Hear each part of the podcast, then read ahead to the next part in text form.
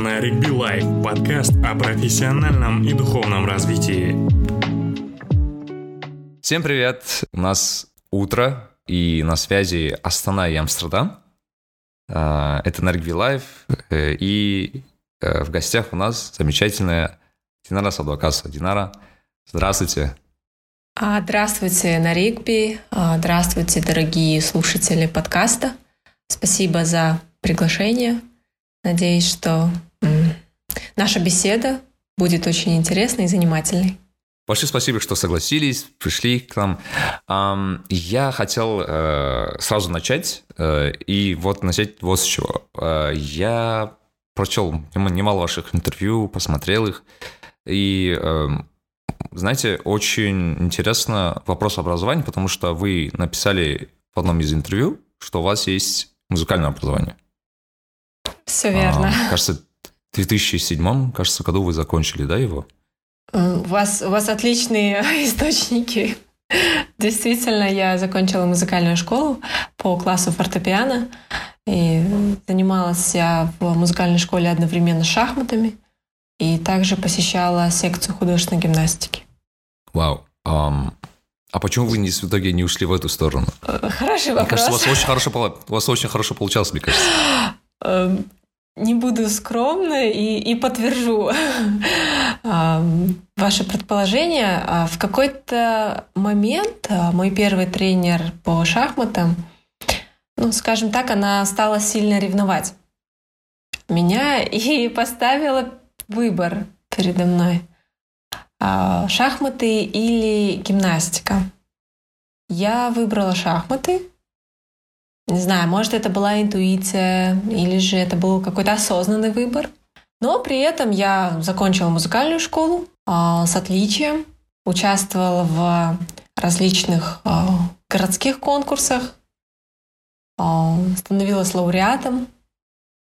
У меня были э, неплохие результаты, но выбрала я шахматы. И думаю, это было из-за моей большой любви к ним. Мне Просто нравилось играть, передвигать фигуры, решать задачи, думать над позициями. То есть вообще постигать э, эту игру. И, конечно, мне нравилось выигрывать. Мне нравилось, нравился дух игры. И э, думаю, каким-то образом я входила в азарт. И это, наверное, помогало Перевесило. мне. Да, да, помогло мне классно. с моим выбором. И, ага. конечно же, я о нем не жалею, потому что занимаюсь любимым делом. Мне вот интересно, в, то есть вы э, часто говорите про, ну, в своих интервью о том, что вот вы учились в музыкальной школе, у вас было там образование такое, фортепиано и так далее. А мало упоминается про, вот, скажем так, обычную школу. То есть, а как это происходило просто? То есть вы же, я как помню, очень рано начали шахматами заниматься. Um, то есть, помню, уже занимались uh, в школе уже, то есть в школе явно вы занимались uh, параллельно. А как было с учебой-то? То есть, как вы успевали учиться? Uh, очень интересно.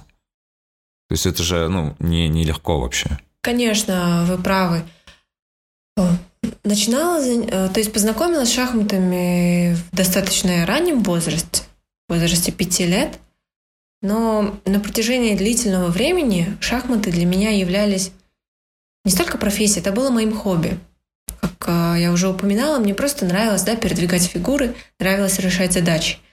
И только после того, как э, я начала показывать результаты на мировом уровне, в частности, вот 2007 год, да, когда мне удалось стать вице-чемпионкой мира по шахматам среди девочек до, э, до 12 лет, я осознала, что можно добиваться и больших результатов. Можно завоевывать не только серебряные медали, но и золотые. Можно достигать новых титулов, новых званий. И вот это был такой а, переломный момент, когда я, ну, конечно же, советуюсь э, со своей мамой, с семьей, приняла решение стать э, заниматься шахматами более профессионально. А, конечно, в тот момент появились, наверное, вопросы и в школе, потому что ну, я немножечко перфекционист и стараюсь делать все на отлично. И совмещать а, школу и турниры, соревнования шахматные было непросто. А, конечно, э, учителя э, понимали, что это важно для меня, что у меня такой-то есть вот свой график шахматный, и мне обязательно нужно съездить на этот турнир, но тем не менее они э, не давали мне никаких поблажек как э, и другие мои сверстники, да, э, одноклассники. Я сдавала э, все эти параграфы, писала, после, после уже писала, да? Да, писала эти контрольные. То есть с собой на соревнования всегда в чемодане находились книги. Всегда между турами, в свободное время доставала, изучала, читала а, и по приезду сдавала весь этот накопленный материал. Я очень благодарна учителям, потому что а, это, наверное, меня тоже очень хорошо дисциплинировало. И шахматы сами по себе, да, то есть они научили меня правильно организовывать свое время, а, четко работать, наверное, с тайм-менеджментом своим, и таким образом мне удалось э, закончить школу. Классно. А что за школа была? Начинала, секрет. начинала я в третьей школе. А почему именно там? Э, шахматный клуб находился совсем близко к ней. И буквально напротив находилась э, секция художественной гимнастики в дворце Жастар. Так что... Это в Астане, да? Да, это все в Астане. Я коренной столичный житель. И наверное, э, местоположение и расположение этой школы повлияло на мой выбор, потому что это было очень удобно. После школы, до школы, там, в зависимости от смены, э, я сразу же э, шла к любимому тренеру на шахматные уроки. Просто интересно, знаете, что ну, когда человек занимается шахматами, ну, часто говорят о том, что там, не знаю, какие-то определенные а, предметы им давались легче, чем остальные. Вот вам какие легче давались? Да, это очень распространенное мнение. А, многие считают, что а, занятия шахматами очень хорошо помогают при изучении математики, точных наук, и где-то их доводы очень правильны, верны, мне в школе очень нравились а, такие предметы, как а, иностранные языки. У нас был английский. А, мне очень нравилась история, география. Но на самом деле, мне кажется, многое зависит еще от учителей. Насколько они влюблены в свой предмет, насколько они готовы заинтересовать учеников и поделиться своими знаниями. Потому что я прекрасно помню, а, какой замечательный педагог у нас а, а, был по русскому языку Галина Александровна. Она просто влюбляла всех в свой предмет. Невозможно было относиться к нему нейтрально. И замечательная у нас была педагог по истории Лиана Феликсовна, которая настолько, настолько нас заинтересовывала. Вот я помню, с каким интересом мы делали все эти доклады, а, писали эссе, а, готовились к этому предмету. И мне кажется, вот любовь педагога к, к тому, что он делает, оно определяет твое отношение, ну и отношение твоих одноклассников к нему. То есть насколько заинтересован педагог, настолько и будут э, заинтересованы сами ученики. Да, то есть к вам больше языки были, да? Как вы сказали, ближе. Наверное. Мне было интересно.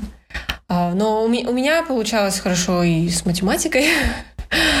Конечно, позже уже становилось сложнее, потому что, ну, ввиду э, турниров, ввиду графика календарного. Да и математика становится сложнее, да, скажем так. часто скажу. Но э, шахматы очень хорошо помогают в учебе. Э, в частности, как э, уже отмечала ранее, это дисциплинирование, это э, возможность правильно распределять свое время, ну и, конечно же, э, просчитывать э, на несколько ходов вперед. Ну, это, мне кажется, больше про ну, эффективность, да, скажем да. так, в учебе. То есть уметь правильно распределять время, энергию. Классно, очень. То есть это услышать. Я бы хотел еще спросить про спорт. Я прочел, что вот как раз-таки занимались гимнастикой и, и плаванием еще в то время, да? Да. Я правильно понимаю? Да. Угу. А это профессионально было? Как я познакомилась с художественной гимнастикой, э, опять повторюсь, да, в пятилетнем возрасте э, мама приняла решение э, отдать меня, моих старших брата и сестру на вот три секции. Первая из них это шахматы, поскольку шахматы это своего рода тренажер для мозга, да, пища для ума. А, также мы посещали музыкальную школу. У меня, соответственно, класс фортепиано, у сестры скрипка, а у брата домбра. И э, мы посещали секцию спортивную. У меня была художественная гимнастика, у них э, у сестры спортивная, а у брата карате. То есть э, каждая из секций, она отвечала за что-то в мамином понимании. Опять повторюсь, шахматы – пища для ума, музыка – это для души, ну и, соответственно, спортивная секция – это для здоровья, для тела. Поэтому у вас прям разностороннее получилось. Да, а, в этом плане нам очень сильно повезло, потому что нам дали возможности, нам дали выбор, и мы всегда чем-то занимались интересным. То есть э, сестра еще ходила на бальные танцы, она ум... Это очень классно. Да, она... Это, это очень классно.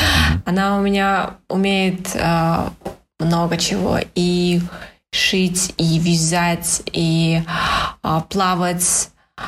То есть э, у каждого из нас э, всегда был большой выбор возможностей. При этом э, мама четко понимала, что, конечно, им нужно время для того, чтобы побыть на улице, поиграть со сверстниками.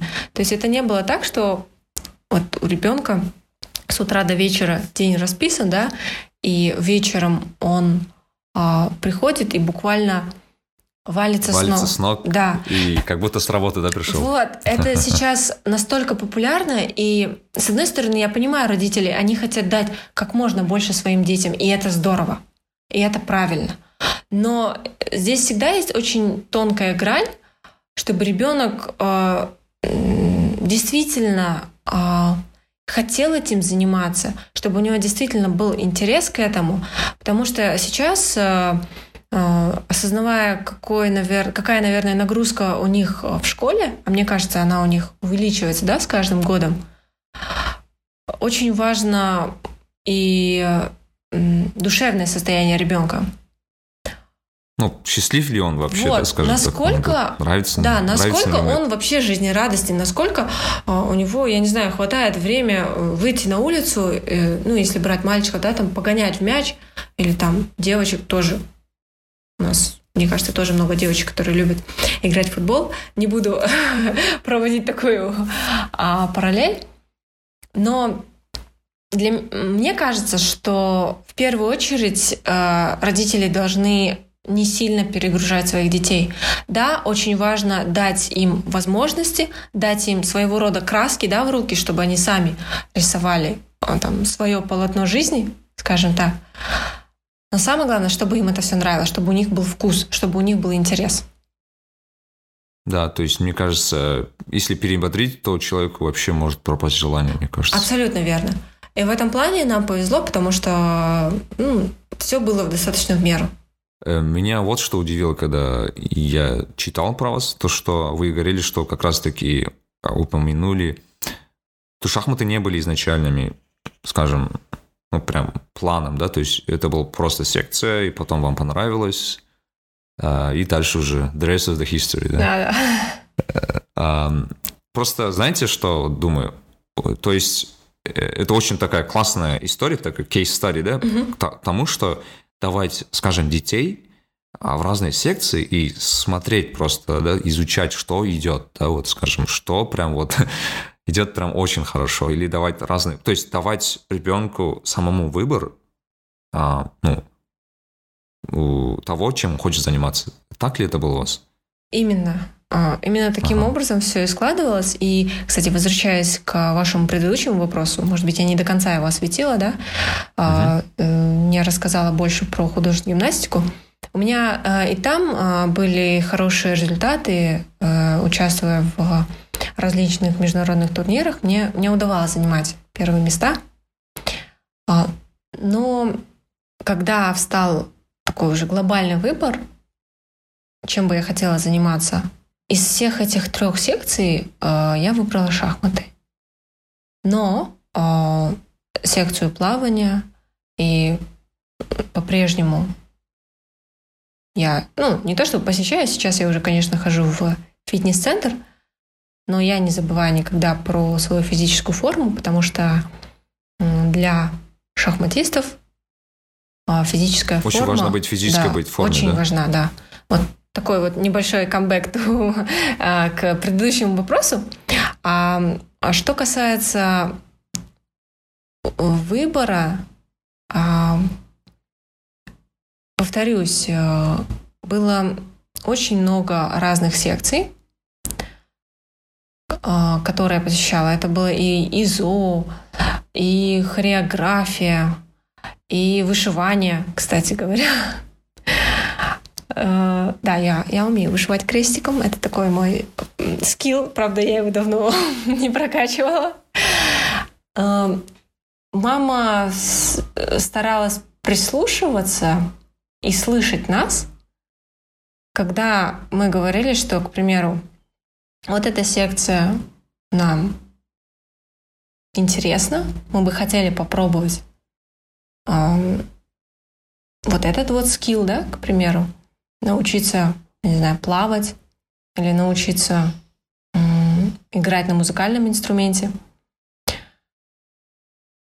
И опять-таки это очень важно, когда родители и дети, они слышат друг друга и умеют разговаривать. Потому что опять-таки, возвращаясь да, к этой теме, очень многие родители сейчас э, из-за хороших побуждений они грузят своих детей очень сильно. А им кажется, что, что ну, так будет лучше – он попробует много чего. И действительно, это хорошо, когда ребенок пробует много чего. Но все должно быть в меру. Это очень тонкая грань, и, возможно, мне ее сложно сейчас передать. Но мне кажется, это видно в глазах ребенка, когда он не устает, когда у него есть интерес к этим хобби, да, к этим секциям, куда его водят. И это здорово, что родители стараются найти лучшее для своего ребенка. Это правильно. Но перегружать его это не дело. Потому что вот в академии, которую мы открыли э, буквально три года назад, чуть больше, очень часто видно картину, что ребенок приходит после нескольких секций на шахматы, и ты видишь, насколько он уставший. И ты думаешь, а хорошо ли он усвоит э, весь этот багаж знаний, да, который ему готовит сейчас тренер. Насколько он будет восприимчив, насколько ему это будет нравиться.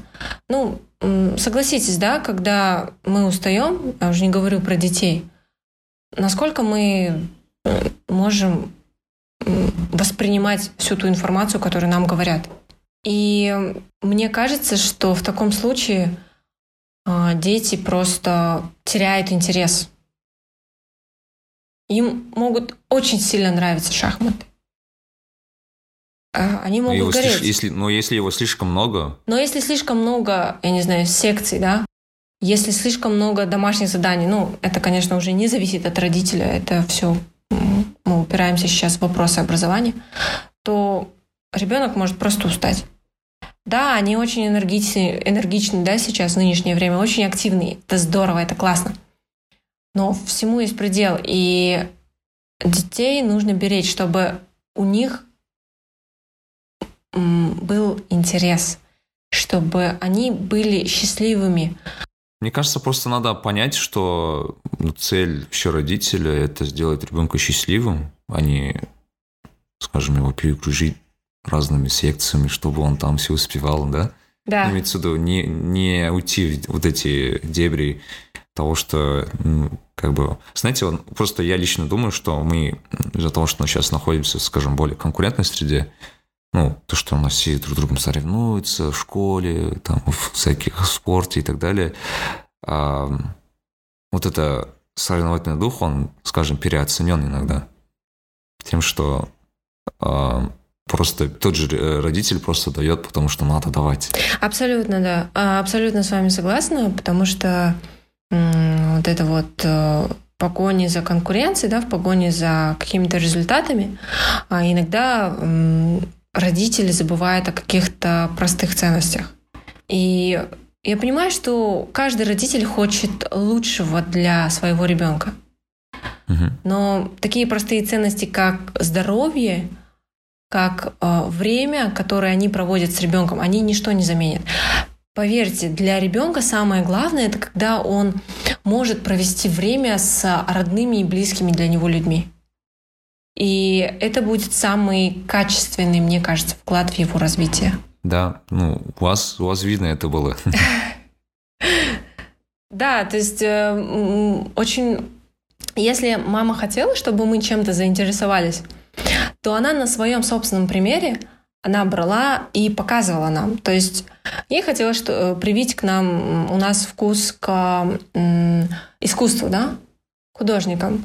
И когда у нас было свободное время, я не знаю, по вечерам, на выходных, мы э, все вместе садились и смотрели различные DVD-диски. То есть мы начинали с э, импрессионизма, и э, вот э, сидя все вместе, обсуждая каждый стиль, да, э, художника, кому что больше нравится. Таким образом, мама вовлекала нас в, в этот мир, в мир искусства, и таким образом мы приобщались вместе с ней. То есть самое главное, что это все происходило вместе.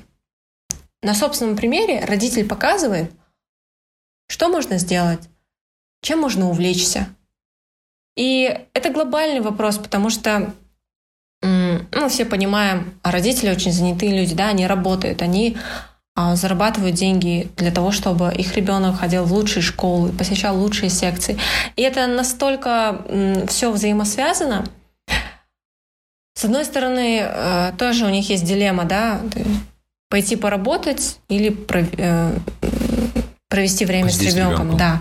да. И это настолько все э, непросто найти время, найти ласковое слово. Эм, я не знаю, э, после работы, да, уставшим прийти и согласиться помочь ему с домашним заданием. Это не просто, но очень бы хотелось видеть э, такие ситуации как можно чаще. Потому что очень важно ребенку чувствовать э, любовь, чувствовать внимание и заботу со стороны родителей. Когда они это чувствуют, то, конечно, они готовы тоже со своей стороны становиться лучше, учиться лучше, а, достигать каких-то результатов. То есть такая хорошая взаимосвязь, когда каждый в семье чувствует любовь и заботу друг друга. Ну да, это самое главное. Такие вот мои мысли. Немножечко, может быть, хаотичные, да, но... Да, нет, очень-очень классно. Слушайте, а я вот что вспомнил. Я, когда вас э, смотрел, угу. даже вот даже зайти в Википедию, везде говорится про вот вашу э, школу, про спорт, но нигде не говорится про ваш, э, скажем, высшее образование либо про профессию. А, у вас она есть, да, я как помню? Да, а, у меня она есть, но э, почему это мало упоминается? Потому что, наверное, всегда эм, я ассоциируюсь с шахматами, и, и это правильно. А шахматы это, это любимое дело моей жизни. Это, ну, как часто люблю я повторять эту фразу. Один из чемпионов мира сказал, что а, шахматы — это моя жизнь, но моя жизнь — это не только шахматы. Поэтому, да. конечно... Какая точная фраза. да, конечно, я стараюсь э, совмещать многое, а, в том числе это вот открытие академий, это книги, э, которые издавала я на казахском, русском языках. Это и мой статус посла доброй воли ЮНИСЕФ. Поэтому в... Да, наверное, фокус просто все вас знают, да, класс фокус всегда идет. И такой, знаете, знак равенства между вами и шахматами. Просто мне интересно вот эта часть, которая, ну, не сильно проговаривается. То есть, а какая у вас профессия, если, ну, основная? Геолог. Ну, если говорить геолог. А, вы геолог. Да. Но, а, а, ну, честно скажу, да, э, все-таки связываю свою жизнь... Как неожиданно. Да, связываю свою жизнь шахматами. А, дело в том, что один из э, моих родственников, он был геологом, и, возможно, это сказалось на моем выборе профессии, но э, на самом деле это не просто э, совмещать, да, и учебу в э, высшее образование и профессиональную деятельность, поэтому э, я очень благодарна университету. Э, я училась, а я училась в России. Ау. Да, Уральский государственный горный университет, потому что мне удавалось это совмещать. И... А вы очно учились даже, правильно? Нет. То есть вы прям ходили на нет, пары? Нет, нет, или это как это происходило? Нет, это не происходило очно. Потому что угу. если бы это происходило очно, а, Я многих говорю, результатов бы я не добилась. А, нет, это все происходило не очно. То есть у меня была возможность приезжать, а, сдавать а, ну... Почувствовать себя студентом. Почувствовать, да, себя студентом в некоторые моменты своей жизни. А, но затем я взяла академ перерыв и сконцентрировалась больше на своей карьере, потому что профессиональная карьера шахматиста, она требует очень а, многих а, затрат и по времени, усилий, энергии. И то, что я сейчас имею, это благодаря тому, что я очень много времени потратила, а, занимаясь шахматами. Но я не считаю это такой тратой времени. Ну, если что, вы станете геологом. А, ну да, у меня есть, если что, backup-план. Но да, шахматы — это основное дело в моей жизни. Прикольно. То есть, э, ну, когда я как помню, если так учиться, то вы особо не пересекаете со своими сокурсниками, правильно? Это же типа К сожалению, да к сожалению. То есть, скажем, у вас нету а, тех самых сокурсников, скажем так, для этого, да? Это немножечко грустно слышать, но да. Тем не менее, да, с одноклассниками поддерживаю связь, э, поэтому... Ну, это всегда просто, знаете, это вот я недавно просто изучал этот вопрос, как раз-таки со сменами. Например, есть разные, скажем, виды спорта, да? Например, есть футбол, а есть баскетбол. Ну, я про профессиональный именно говорю. И есть огромная, на самом деле, разница между профессиональным баскетболом и футболом, например. Почему? Потому что, например, тот же футбол, он, знаете, очень похож на вот этот э, больше такой СНГшный подход, когда вот кто-то может учиться, э, то есть он может быть футболистом, скажем, и как-то заочно учиться или там как-то, ну, иметься, да, что он там учится. А в основном время он играет в футбол. А с баскетболом так не получается в Америке, например. Ну, тот же NBA. То есть э, одним из, например, критериев набора в MBA является учеба у них, то есть не только игра. И из-за этого, например, очень много есть, скажем, кейсов, когда, эм, то есть человек учится на straight A, да, в школе, и у него там еще и круто получается в универе, ну, то есть, ну, то есть э, в, в, в баскетболе. И в этом, ну, как бы это делает разницу, и из-за этого, например, те же ребята, которые хотят стать баскетболистом, они учатся очень усердно, оказывается, в итоге. То есть это настолько, ну, разные, да, то есть э, подходы, то что, э, то есть, ну, вот этот американский NBA подход и остальной, ну, то есть тот же футбол. То есть такой... И к тому, что, типа, разные бывают, оказывается, судьбы у футболистов, э, тех же спортсменов. Да, каждый э, вид спорта в этом плане уникален. И, но я могу дополнить, что, к примеру, занятие шахматами, оно очень сильно может помочь э, при поступлении в ВУЗ, в частности, в Америке. Э, твой навык э, игры в шахматы, он может помочь тебе получить грант, потому что многие университеты ну, это такой achievement да. там и так далее. Многие да. университеты, они заинтересованы в том, чтобы собрать у себя сильную команду шахматистов. И я тоже получала очень много предложений, грантов а, вот со стороны американских университетов, со стороны других зарубежных. Какой был самый топовый? Скажем, Сэнфорд, Харвард? Ну, вот э, по топовости я, наверное, не смогу точно сказать, потому что я не отслеживала все эти гранты, которые мне предлагались. А, но это были хорошие университеты, и у них были очень интересные а, условия, но все-таки Америка, она находится далеко от а, многих масштабных турниров. А в основном да, они происходят, да, лететь, скажем, да, да, да, они происходят в Азии, в Европе. И учитывая эту отдаленность, я приняла решение все-таки выбрать другой университет. Но я думаю, что а, Америка, я не знаю, Англия, она как бы никуда не убежит. И я тоже в, в дальнейшем, в будущем смогу обзавестись сокурсниками, смогу почувствовать это, да, этот студенческий студент, дух, да, жизнь. возможно, магистратура. А, поэтому я не, не жалею о своем выборе. Мне вот интересно, а вот на какую профессию вы хотели учиться сейчас? Ну, скажем, если бы была возможность сейчас прям учиться в университете. Знаете, Есть такая? Да, у меня недавно тоже спрашивали этот вопрос. И мне вообще интересна профессия дизайнера. Ландшафтного О, дизайнера. Классно.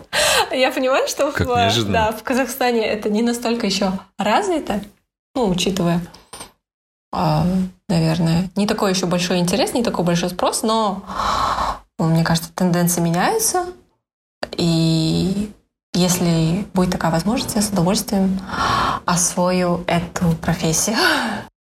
Классно. То есть, э, ну, э, знаете, вообще дизайнеры, особенности, наверное, ландшафт-дизайнеры, это люди, эм, ну, скажем, эстеты в этом случае. То есть я всегда, у меня есть друзья просто, oh. они такие, ну, настоящие эстеты, они такие, да, достаточно, ну, вообще сами, сами дизайнеры, у нас даже есть один подкаст с, с одним из, из крутых дизайнеров, вот, и, ну, очень долго обсуждали дизайн, mm-hmm. а, и вообще, по моим ощущениям, то, что я, например, как инженер, uh-huh. э, очень часто с ними пересекаюсь, потому что у нас такая да, смежная профессия, uh-huh. то, что у нас те же инженеры часто работают с дизайнерами, и, и дизайн это, в основном, заметил, это люди такие тоже, скажем, не то чтобы эстеты, но они люди со вкусом. Я бы я это сказал. Если надо, да, так интересно. Ну, согласна. Да. Мне нужно послушать э, ваш подкаст. Да. Да. На Билай. Слушайте, а, очень классно, вот очень много интересной информации дали. Вот я вот не ожидал, что вы э, а, Насколько скажем, буду а, открытой? Ге... Не-не-не, скажем, геолог и э, тире будущий ландшафт-дизайнер. Да. Current situation — это у меня шахматы. Вот, как раз-таки хотел поговорить про шахматы. Слушайте, я, я вот, вы сами об этом уже сказали, это, ну, я понял это больше, читая э, ваше интервью, э, про такой поворотный момент, да, в судьбе шахматов. Это как раз-таки это Турция, 2007 год, вам 11 лет, как помню, да? Все верно. А, то есть, а как, то есть, вот знаете, что я хотел спросить-то? Вот бывает, то есть у меня тоже, я вот, например, инженер, и у меня был момент, когда я только понял, ну, я, блин, точно стану инженером уже. Ну, то есть, no way back, да, то есть все. Я стану, я буду инженером. Это было, скажем, в школе где-то, ну, в классе девятом, кажется, это было. У вас это чуть-чуть раньше случилось, то есть у вас там это, вам было 11, да. А, вот что вы почувствовали в этот момент? Просто мне интересно, вы выиграли? Я правильно понимаю, что вы выиграли и в этот момент почувствовали? Я заняла второе место. Или... На чемпионате да. мира. И Дело в том, что на юношеских чемпионатах мира, ну и в принципе, да, на любых официальных турнирах, когда человек э, занимает первое место, то играет э, гимн его страны. А, так получилось, что на том чемпионате э, третье место заняла китайская шахматистка, которую я выиграла в последнем туре. Второе место удалось занять мне, и это был, наверное, исторический результат, потому что до этого медаль завоевывали казахстанские представители в 90-х годах. То есть достаточно большой такой гэп был. И, а первое место заняла представительница Израиля. И, соответственно, гимн исполнялся израильский. И не то, чтобы мне было обидно, но мне так захотелось, чтобы на чемпионатах мира звучал казахстанский гимн, поднимался казахстанский флаг, я поняла, что для меня это важно. Мне важно, а, чтобы о моей стране говорили как о шахматной державе, а, чтобы Казахстан считали шахматной страной, чтобы понимали, что у нас есть сильные шахматисты, и такой вот э, заряд энергии, наверное, получила на церемонии закрытия. И я поняла, что а я хочу вносить этот вклад. Я хочу добиваться результатов, чтобы о моей стране говорили. И вот этот поворотный момент, он случился именно тогда. Потому что я осознала свои силы. Я поняла, что я могу больше. Почему бы не взять и не завоевать первое место? Классно, что вы поняли это в 11 лет. А, просто. Да, мне с этим очень повезло. Э, я, я часто говорю о том, как важно найти свое призвание, и в моем случае это случилось в достаточно раннем возрасте. Да, то есть, ну, просто я к тому, что думать таким образом в 11 лет, что вот, будет казахстанский флаг, гимн. Ну, это прикольно, да, это классно. Спасибо. А, ну и после, после этого вы просто включились в этот процесс, да, скажем так, вы да. поняли, что надо, надо больше уделить времени. Конечно. Ну, потихонечку перестраивался и график, и э, смещался акцент уже на шахматы.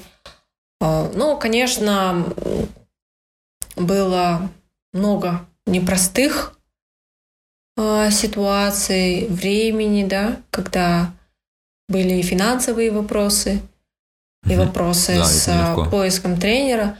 То есть э, многие видят э, одну сторону медали, да, когда слышат об успехах, когда видят красивые фотографии с кубками, с медалями. Но обратная сторона есть. Такая, голли...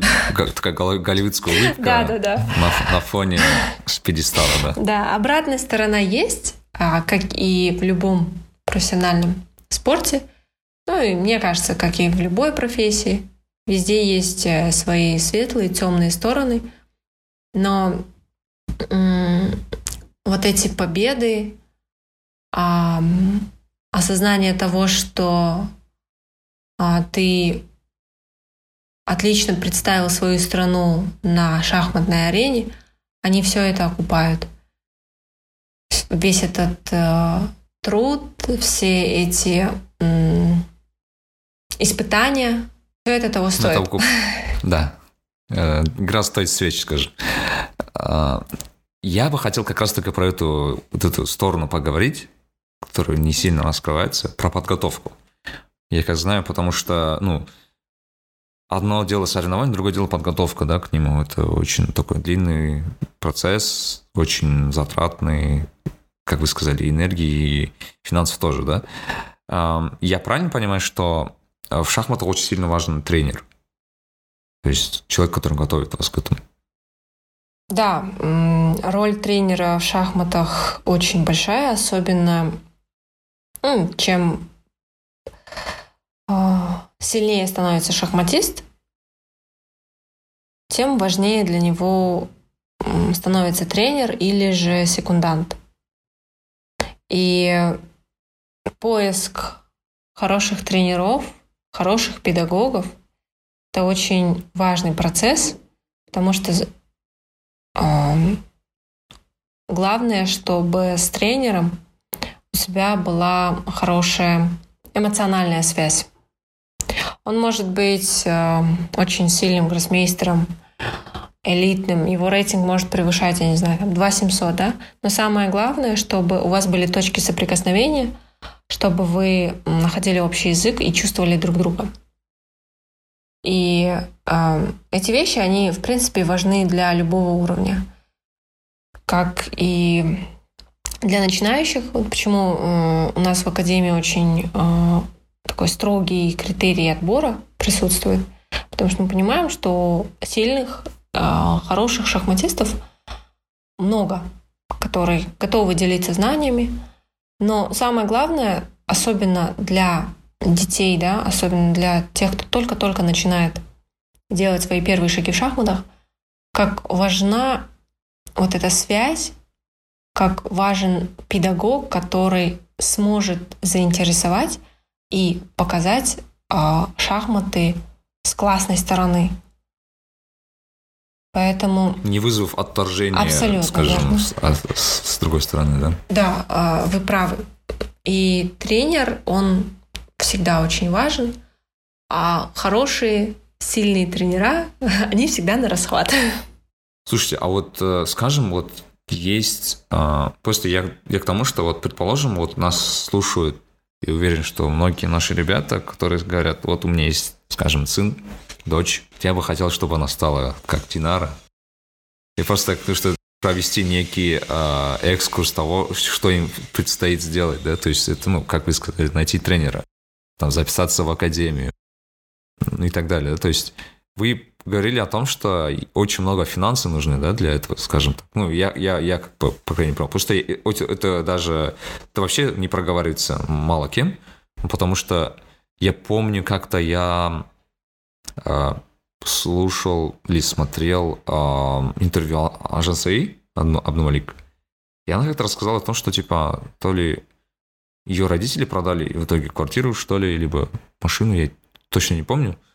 То есть, ну, когда деньги нужны были, они прям вот продали какие-то активы и реально вложили шахматы. Да, ну, я чуть э, постарше женцы, и да, наверное, э, мои родные э, тоже очень многое вложили, мои близкие.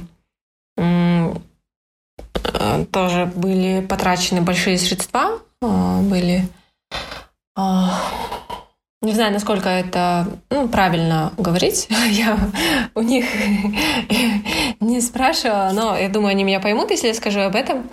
Они тоже брали кредиты и продавали недвижимость, а, потому что профессиональный спорт, он требует, конечно, хороших затрат.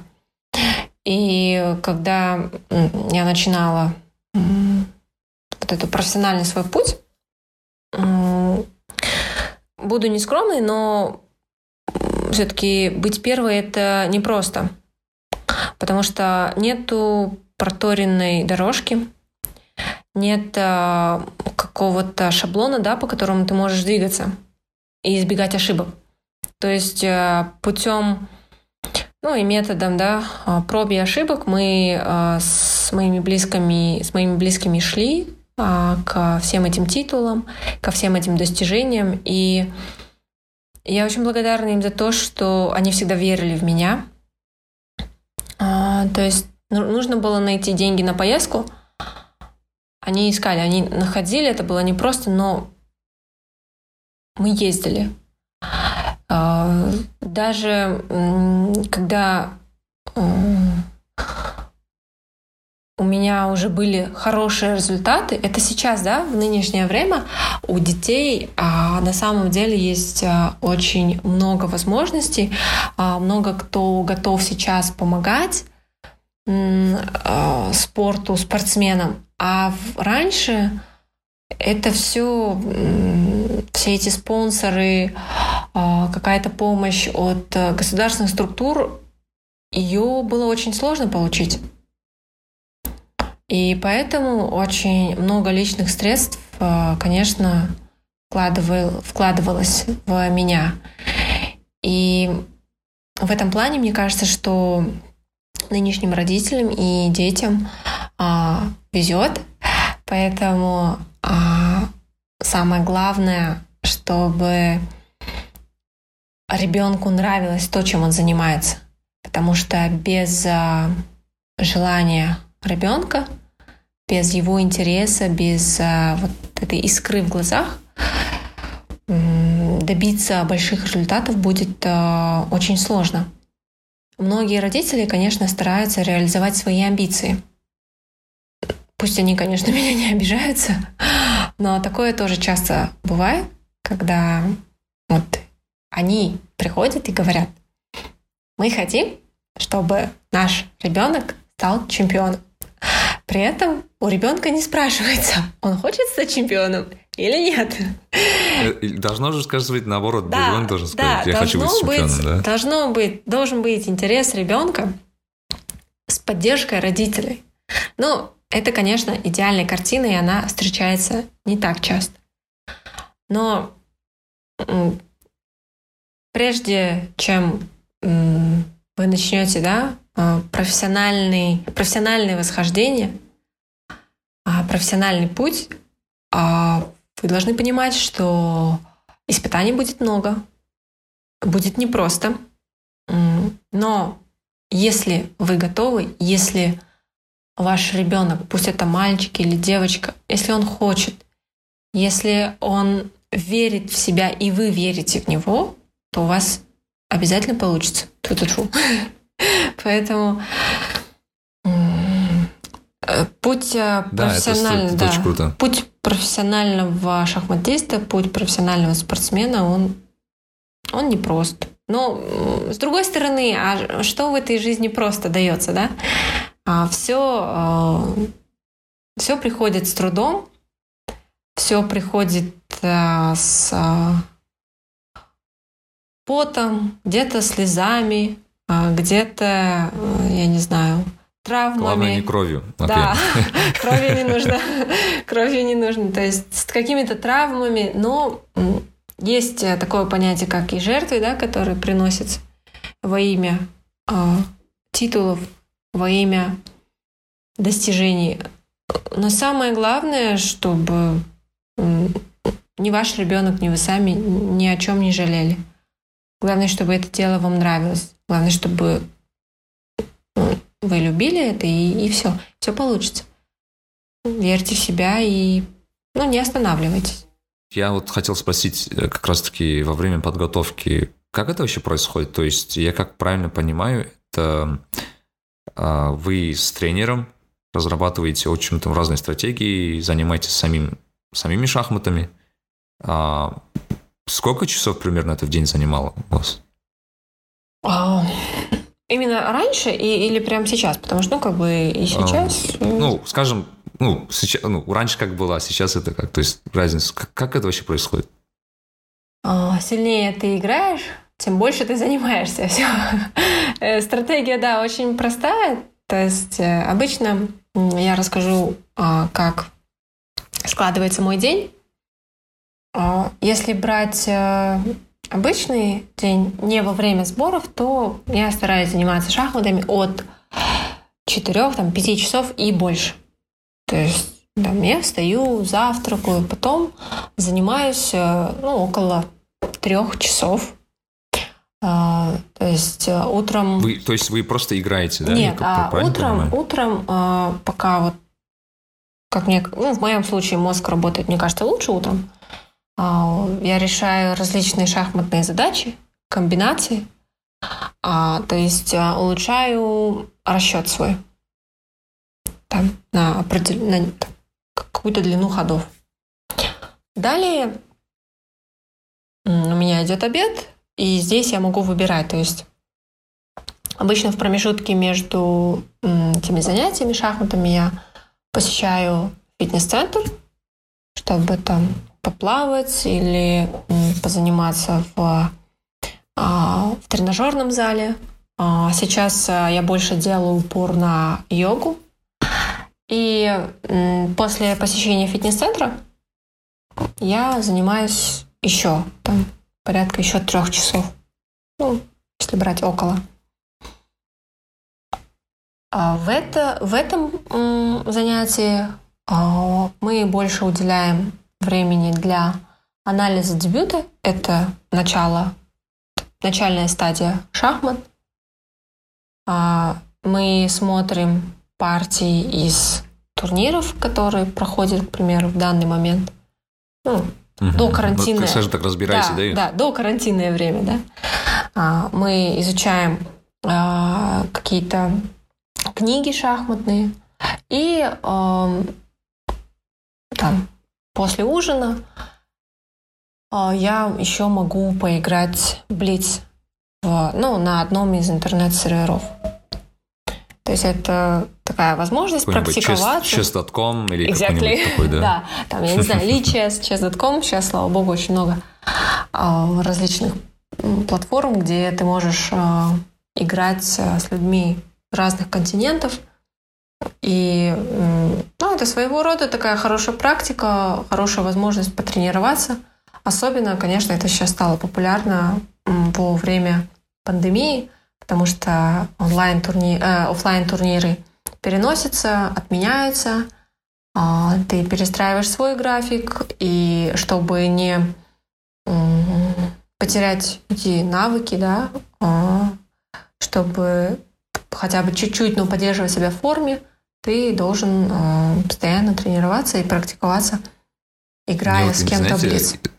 Стало интересно, как у вас... Я как помню, на chess.com есть же профили угу.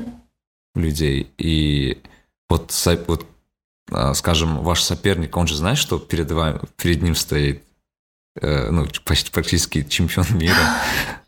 Э, нет? Ну, то есть там, ну, там какой-то indication есть? Как они, ну, бывали, что они шокировались просто?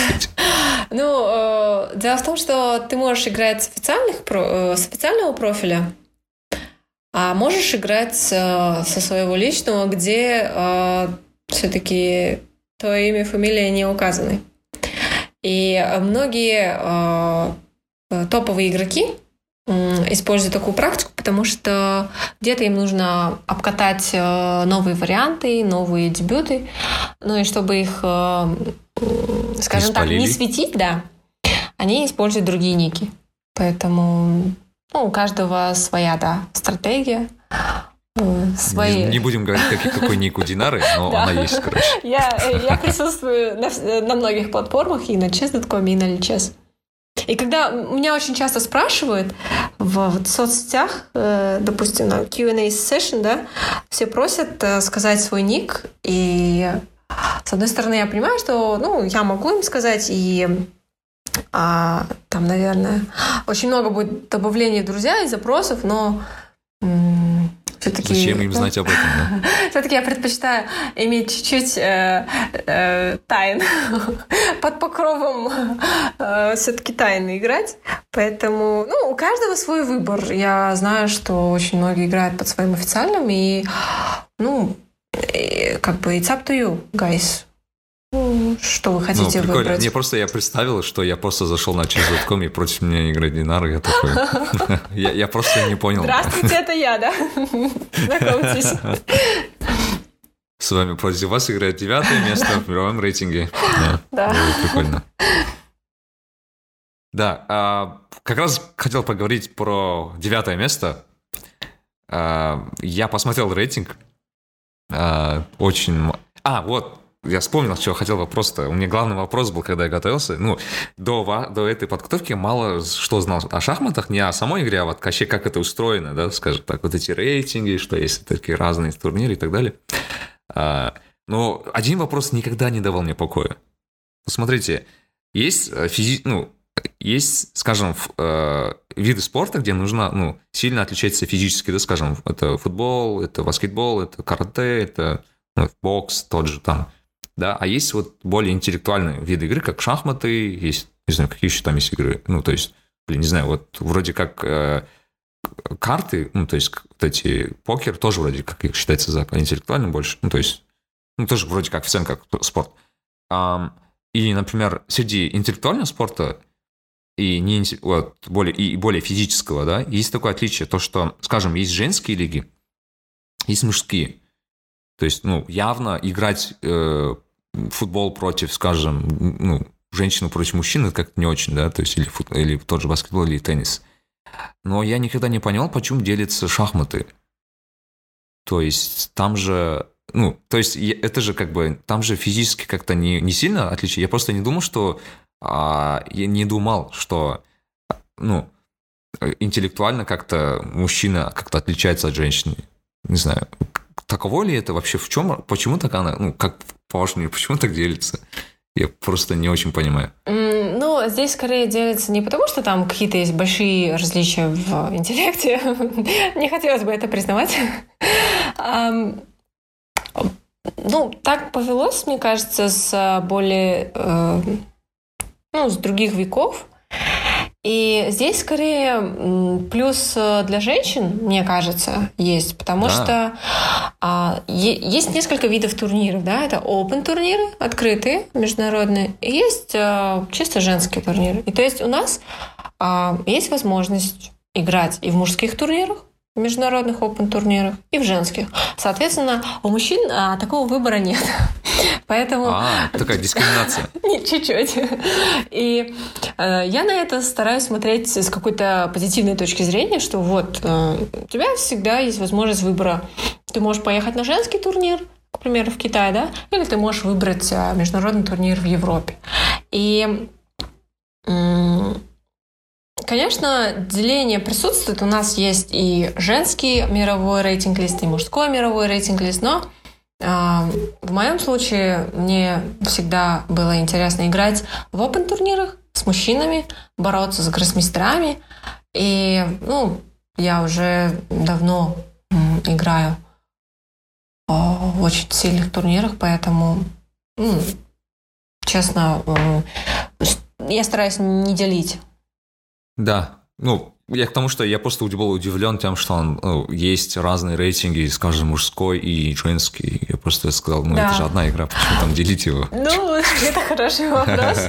А, просто мужчин а, играет намного больше в шахматы чем а, женщин. Их просто больше. Их просто okay. очень в разы больше, чем женщин. И, uh-huh. ну, в какой-то... Соответственно, там больше конкуренции, да. из-за этого может быть и выше рейтинг, да, да, всего? Да, абсолютно э, верно мыслите. Мужчина играет больше, и у женщин очень часто в какой-то момент все-таки возникает вопрос, э, на чем концентрироваться больше, да? И, То есть семья, да, там... Да, такие вопросы, они возникают, и... Ну, сложнее концентрироваться, скажем так. Очень на сложно, и многие выбирают ну, какие-то другие сферы деятельности. Ну, я, теперь, теперь у меня встало все на место. Я, вот теперь я. Ну, я рада, что мне удалось okay. чуть-чуть помочь. Да, мужчин, короче, больше там, да, это как такая дискриминация, скажем. Я еще прочитал, что вы стали четыре раза, да, чемпионкой до 20 лет? А, Наверное, чуть-чуть э, неправильно было там восприятие. Я становилась чемпионкой да, мира до... что я прочел. Ага, до 14, 17. До 14? Да, 18 ага. и до 20 лет. То есть в юношеских категориях это три категории 14, 17, 18 и чемпионка мира среди молодежи в 2016 году. Ну, я просто зашел в Википедию сейчас, и написано «Единственная четырехкратная чемпионка мира до 14, 17, 18, 20 лет». Там, наверное, только... немножечко интересно подали. Ну, я тоже такой, вот. Прикольно, короче, такой, думаю, надо бы спросить. Окей. А, смотрите, а, я знаю, что у вас есть Академия шахмат, уже не раз об этом упомянули. А, то есть я правильно понимаю, что вы сами там готовите? Либо у вас, у вас есть люди еще, да? Ну, я видел видео, где вы готовите просто. А, так, сейчас попробую э, объяснить. Поскольку я являюсь э, профессиональной шахматисткой по-прежнему, то у меня, соответственно, очень э, плотный график турниров. Я очень часто езжу на соревнования, но я провожу общую курацию. То есть э, я всегда стараюсь быть в курсе всех новостей по каждому из наших учеников, какие у него есть вопросы, что ему еще стоит улучшить, а где, какие дебюты он сейчас изучает. Поэтому мы с тренерами Академии всегда на связи. И э, мы четко стараемся отслеживать э, каждого нашего ученика, вне зависимости да, от его возраста, потому что у нас есть и детские группы, и э, группы для студентов, для более взрослого населения.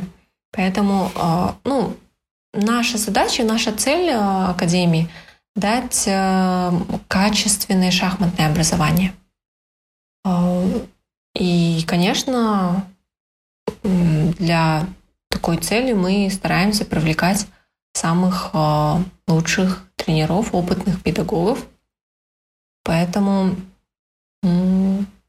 видео, которое, да, вы видели, это мы недавно анонсировали наш, нашу онлайн-платформу а, в июле месяце а, совместно с Жилстрой Сбербанком, нашим партнером и хорошим другом, мы запустили онлайн-платформу, с помощью которой все желающие могут научиться играть в шахматы. На этой платформе находятся видеоуроки с моим участием, где я наглядно показываю, рассказываю, а, каким образом ты можешь постичь азы шахмат – то есть рассказываю все а, азы, всю базу, и затем а, ну, все могут посмотреть и решить задачи, пройти экзамены, и по окончанию курса, там сейчас мы загрузили несколько блоков, по окончанию каждого из блоков а, человек может получить сертификат о том, что он прошел такой-то вот курс и освоил а, такой вот раздел. Поэтому ну, для нас самое главное, чтобы эта идея, в принципе, вот об открытии онлайн-платформы у нас а, была давно, и мы очень рады тому, что в такое время, да, непростое, когда с одной стороны а, у детей очень много времени свободного, да, а с другой стороны его хочется занять чем-то полезным, а не просто, я не знаю, там просмотром Ютуба, да, или игрушками, да. Хочется занять чем-то полезным свой мозг, а, занять детей. И мне кажется, шахматы — это отличный способ а, провести время полезно, с интересом вместе со своим ребенком. И сейчас у нас все курсы находятся в свободном доступе, в открытом доступе. Каждый желающий может зарегистрироваться, пройти и ну, хоть чуть-чуть, но приобщиться к нашей игре. Вау, классно. Ну, если, ну, скажем, я, например, не сильный э, игрок, mm-hmm. я просто могу посмотреть всякие тактики и там, как это вообще играется, да? Да, абсолютно. Более интересно. Угу. Поэтому я, может быть, позже скину вам ссылку, если вдруг... Э, Было бы классно, я прикреплю эту ссылку обязательно. Давайте, вот, попробуем. Посмотрим, посмотрим, попробуем. Может, я тоже стану чемпионом. С удовольствием, я буду очень рада. А, классно. Я еще хотел бы проговорить про тему такую, что вы написали э, книгу на казахском, на русском, как вы упомянули. То есть это очень прикольно, что вы уже, то есть там она, кажется, называлась, что первые шаги, кажется, в шахмате, да, да? в шахматах, как- как-то так он назывался. То есть это, то есть если вкратце, то это пособие, да, я как понимаю, для, для начинающих в шахматы или как? Или это ваш такой life story, как вы это делали? Это скорее, да, пособие, которое позволяет на основе моих партий, то есть при написании использовались именно мои партии, мой опыт шахматный, научиться играть в шахматы, познать а, основы различные тактические приемы, порешать задачки. И, ну, наверное, особенность этой книги заключается в том, что мы э, постарались э, подобрать э, интересные примеры из моей практики и книга написана максимально простым, доступным языком. Потому что в мое время таких книг практически не было. Все были написаны иногда сложным языком, да, который не совсем понятны детям. И, соответственно, помня это, я решила, что такое пособие будет очень нужным, очень своевременным. И издав да, э, первую версию, а, издав э, на свою стипендию, я передала ее в школы по всему Казахстану, в образовательные центры. То есть есть э, издательство, которое это распечатало и, по сути, дала, да? И да, мы школы, печатали да? вот на, ну, как бы на мою стипендию. И затем отправлялись э, по всем регионам Казахстана. Классная у вас стипендия. Ну, я ее долго собирала для того, чтобы все это издать, потому что, ну, это требовалось, конечно, усилий и затрат, поэтому... Слушайте, я вот очень много в интервью увидел такую штуку, что вы часто проговариваете про рейтинги, вот эти как раз, которые мы упомянули до этого. Угу. То есть есть разные, я вот помню, есть сайт ФИДЕ или ФИДЕ, да. Не очень помню, да, это, это наш официальный сайт Международной шахматной да, федерации. И я как помню, вы в э, год заканчивали на девятом месяце, да? Как помню. Да, и начинала, заканчивала и начинала этот год. Окей. Но я сейчас смотрю, вы уже на 12 почему-то, я не очень понимаю, почему. А, да, сейчас я нахожусь на 12 месте. А дело в том, что после того, как опубликовался январский рейтинг-лист, а, я уже принимала участие в очень сильном престижном турнире, который называется Tata Steel. А, он проводится в Вейконзее, в Нидерландах. Oh. Да, я была там вот буквально в конце января. И это, конечно, очень престижный турнир, и получить приглашение оттуда, слот от организаторов, это большая честь и большая ответственность. То есть, э, будучи единственной девушкой на два турнира, да, а там проводятся два круговика, один из них вот А-турнир, где играет Магнус Карлсон, где играют все сильнейшие шахматисты планеты, мужчины, да, и есть турнир Б, где также играют мужские игры с мистера, обладатели рейтинга там 2700, то есть каждый тур, каждую партию ты играешь с людьми, которые выше тебя как минимум на 100 пунктов по рейтингу. И, конечно, это очень классный опыт, это классная возможность попробовать свои силы. И не скажу, что я выступила там супер удачно. Как вы видите, что я была на девятом, сейчас я на двенадцатом. Но, ну, это да, но это временно. все временно, как вы правильно заметили. Главное, я осознала свои силы, я почувствовала, где мне нужно, над чем мне нужно поработать. А, я получила очень классный опыт, потому что когда ты играешь с сильными людьми, да. то ты и сам становишься сильнее. И да, какие-то турниры ты выигрываешь, да? Вот, к примеру, у меня прошлый год сложился очень удачным. Мне удалось стать чемпионкой Азии среди женщин. Это очень важный титул и очень серьезный. Ну, учитывая, что в Азии есть очень много китаянок. Конечно. Это, кажется, очень сложно. Да, и благодаря этой победе э, я получила путевку на Кубок мира, который вот теперь уже пройдет в следующем году. А есть турниры, где ты набираешься опыта. Потому что, ну, все выигрывать это тоже да, да. практически невозможно. Это, наверное, делал только Гарри Каспаров. А, а так ты получаешь опыт, который ты затем реализуешь в последующих турнирах. Поэтому, ну, я смотрю на это с такой точки зрения, что это же не последний турнир, да? Это очередная ступень Завтра будет новый день, завтра будет новая партия, там, я не знаю, через месяц будет новый турнир, где я смогу показать все эти навыки, которые я приобрела на предыдущем. Поэтому, да, сейчас, конечно, я нахожусь на 12 строчке, но самое главное, а, я уже побывала в топ-10, я знаю, каково это, я понимаю свои силы, и просто нужно двигаться дальше. То есть а, такой один гол я выполнила, да? Да, ну, Попала топ-10 в это очень да. сложно.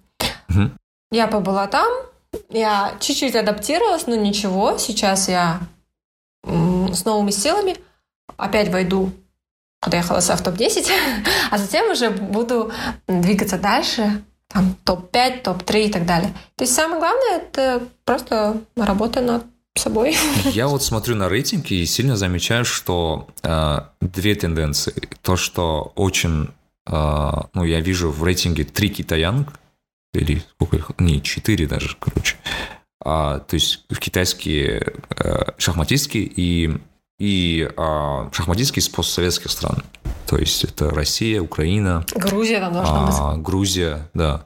Очень замечаю, что вот эти страны тоже сильно в этом. То ну, как-то удивительно, что я не вижу те же тоже, там, не знаю, США или...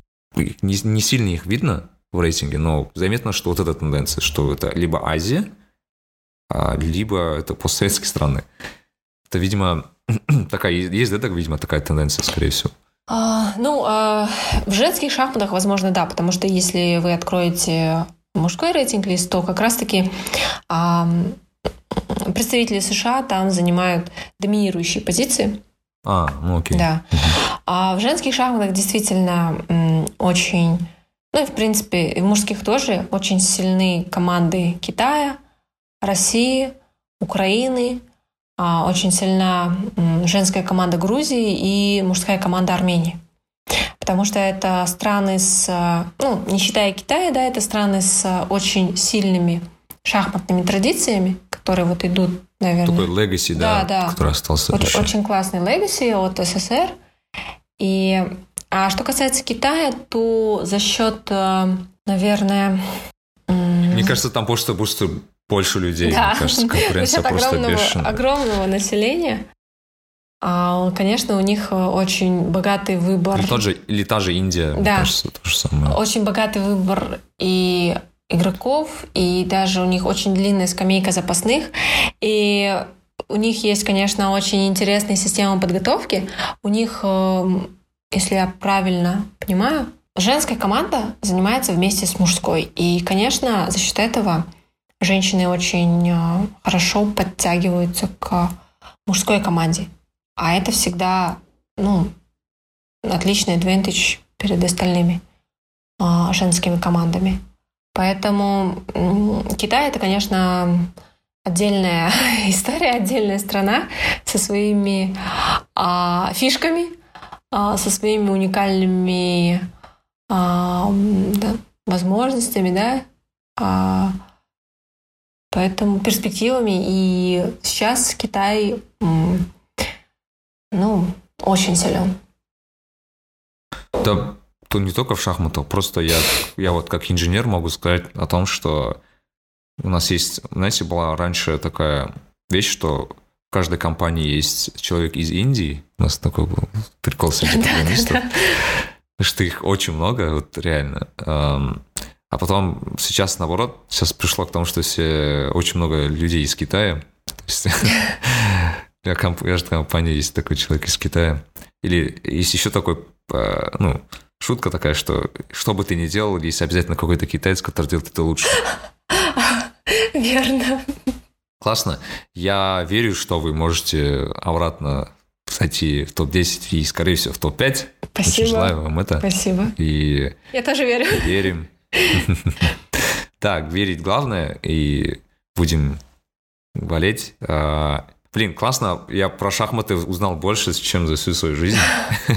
Э, Я очень рада, что, да, мне удалось, значит, передать а, всю прелесть нашей игры или часть. Просто, знаете, из-за того, что я, видимо, не общался прям с профессиональными, как вы, э, шахматы кажутся таким, ну, достаточно скучным спортом. Думаешь, а что там такого? Там, то есть они просто сидят часами, смотрят на доску, да. и- Мыслители, да?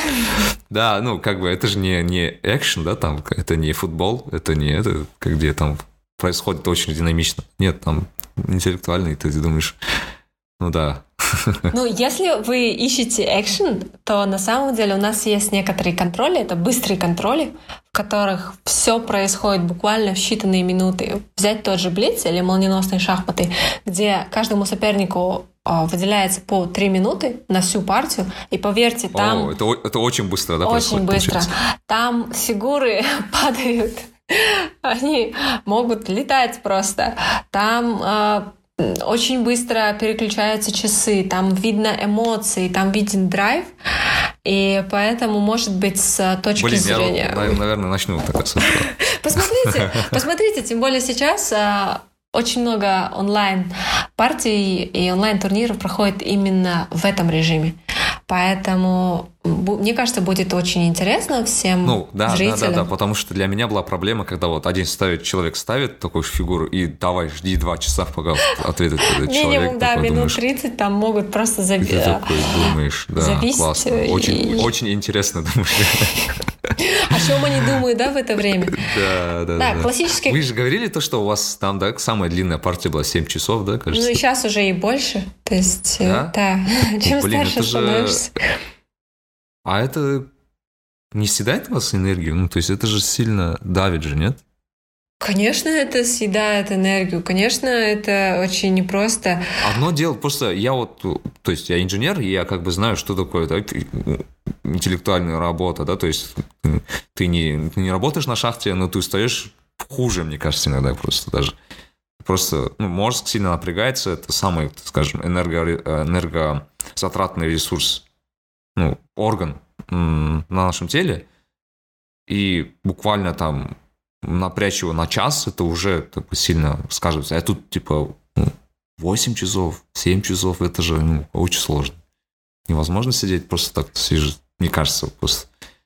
Ну, да, в шахматах очень важна выдержка, очень важна терпение и, повторюсь, физическая форма, потому что как раз-таки сидеть все эти 7-8 часов без э, движения, а, стоит спина, скорее всего, да, у вас? А, да, очень часто стоит спина, но, в принципе, во время э, обдумывания ходом соперника, то есть пока соперник твой думает, ты можешь встать, размяться. Кто-то предпочитает там, сделать небольшую гимнастику, сходить э, выпить там чай, кофе, какой-то сок, съесть шоколадку. То есть такие действия, конечно, у нас э, делать можно, это никто не запрещает, но само вот это вот умственное напряжение, оно, конечно, очень непросто. Поэтому после таких тяжелых партий мы, каждый из нас там старается найти свой способ разгрузки, а релакса. А что вы сам делаете? Я стараюсь прогуливаться. Прогуливаться, слушать какую-то музыку, поговорить с родными, да, там по видеоколу. А, может быть, посмотреть фильм.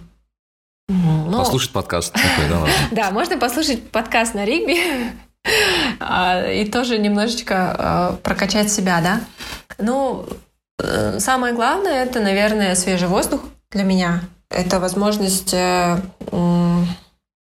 наверное, может быть, как-то помедитировать, да, отвлечься от вот, мыслей, которые были во время партии.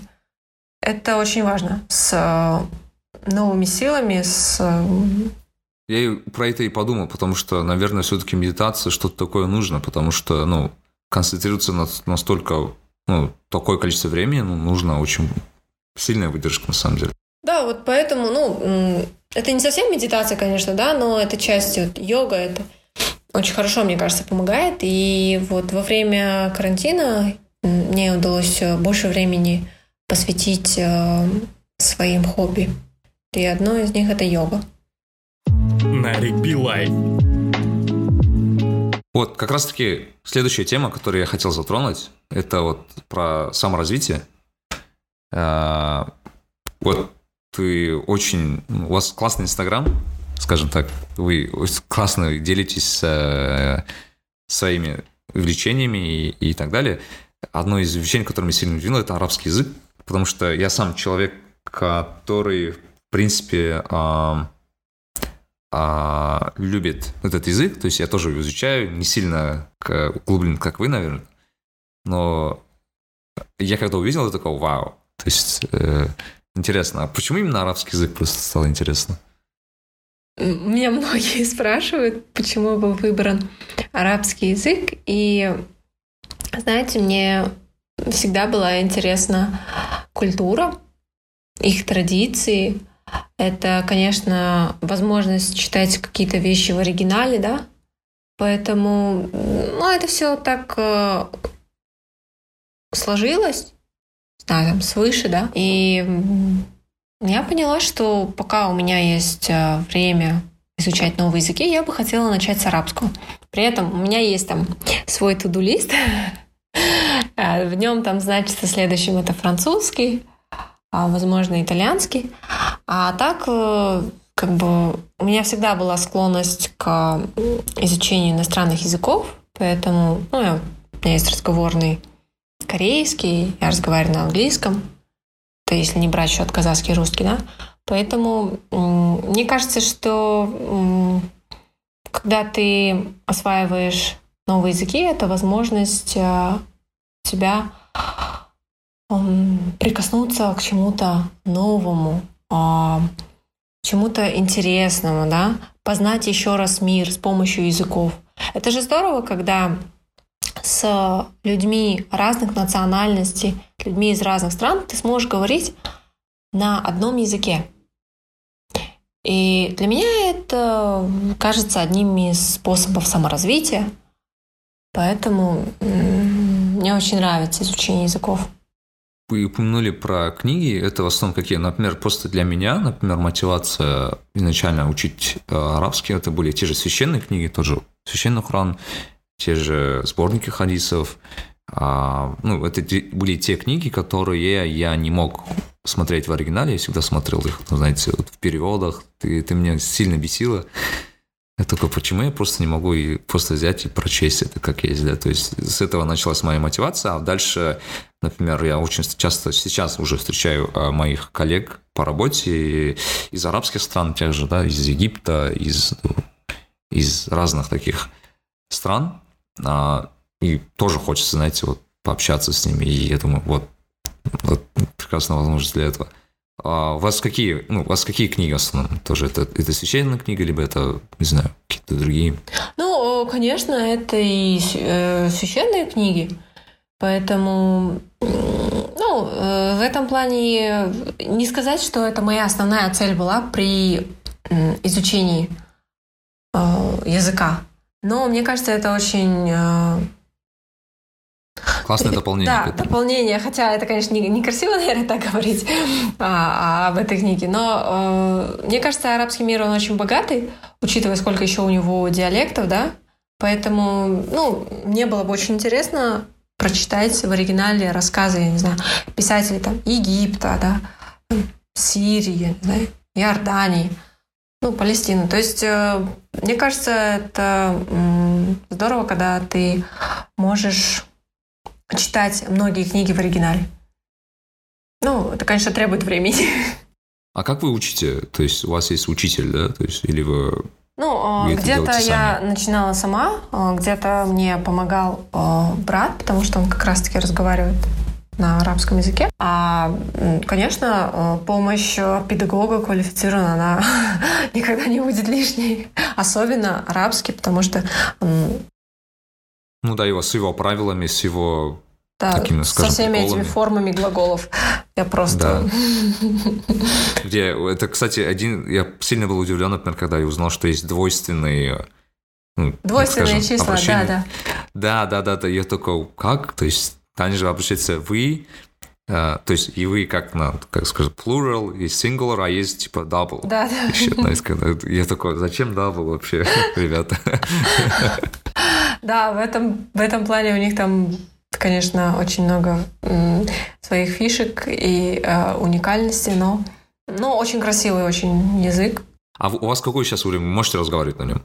А, ну, я надеюсь, что да, как бы я э, там читаю, э, я пишу. То есть, э, как э, мне объясняли, э, научиться разговаривать на самом деле не так сложно. Но самый главный э, такой челлендж — это писать, писать правильно и грамотно. Поэтому я хочу не только э, хорошо разговаривать, но и правильно писать и э, правильно изъясняться на письме. Потому что, ну, не в обиду им быть сказано, но оказывается, многие арабы, у них с этим тоже есть а, да, свои да, да, это, это, э, проблемы. Тем более, что, знаете, есть та же фусха вот, арабского да, да. языка, да, это, сами арабы не владеют фусхой на самом-то деле. Вот, То вот. есть у меня бывало, знаете, я, у меня очень скудный арабский, но этот скудный арабский, это не диалект, это фусха, то есть я мог сказать что-то на таком чистом арабском, и они могли просто сказать, почему ты так разговариваешь? То есть, типа, почему? Это очень, очень странно. Хотя, вроде, казалось бы, это вот самый оригинал языка. Да, да. есть, и думаешь, зачем? У нас, кстати, э, будет подкаст на эту тему. У нас есть эм, один парень, который как раз-таки занимается арабским языком, он преподает его, а у него есть курсы, и очень круто знает арабский, его зовут Арсен, вот, э, иншаллах, выйдет э, с ним тоже подкаст.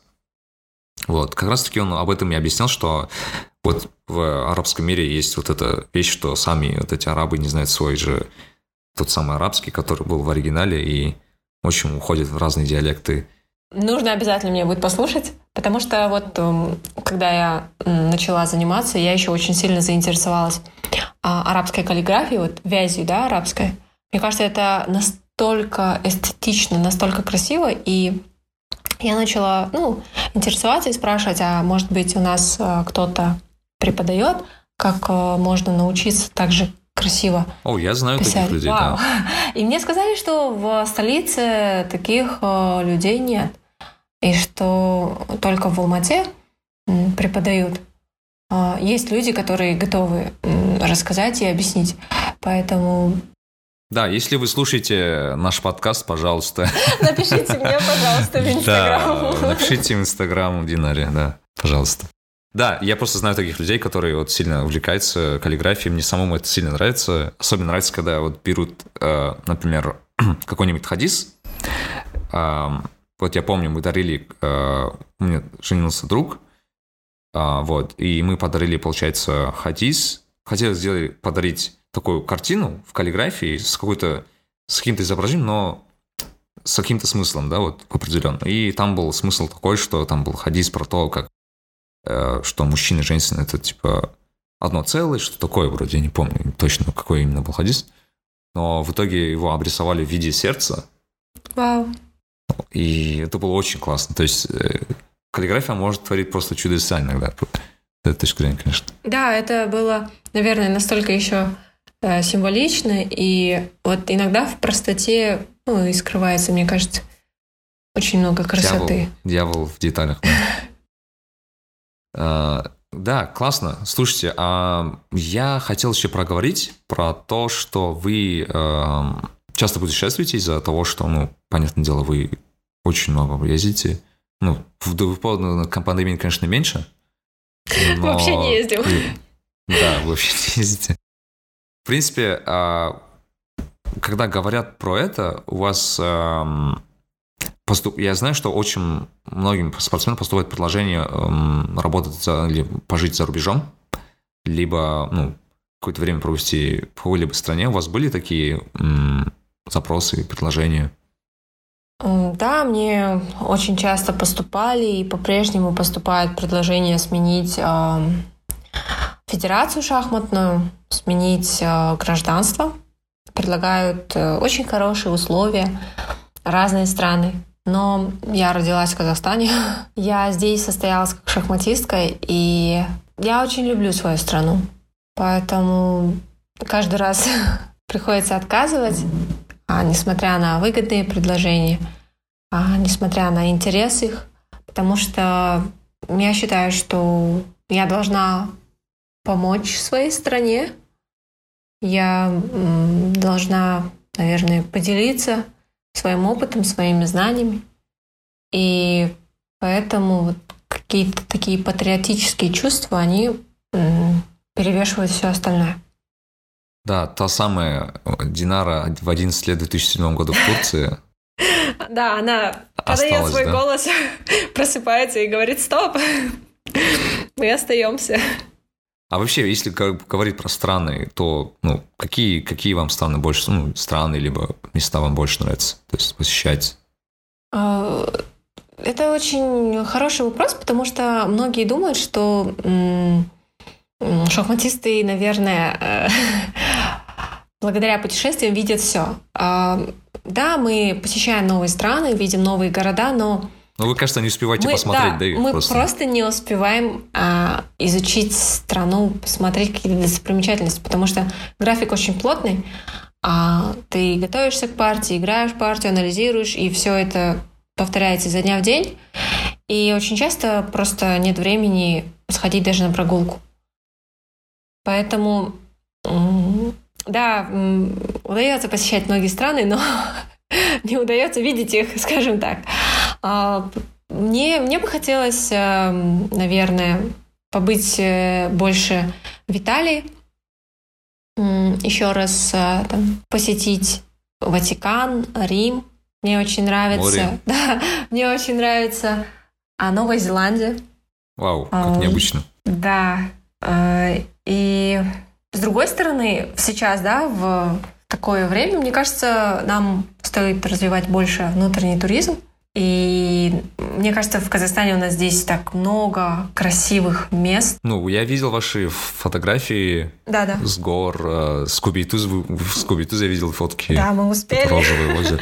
Мы успели, пока там, конечно, не... Э, не начался трэш, Не начался, да, трэш. А, массовая, э, скажем так, истерия, да? по касательно соли, касательно грязи, это, конечно, удручает немножечко. И у нас столько красивых мест на западе страны, ВКО, вот Рахмановские, да, ключи.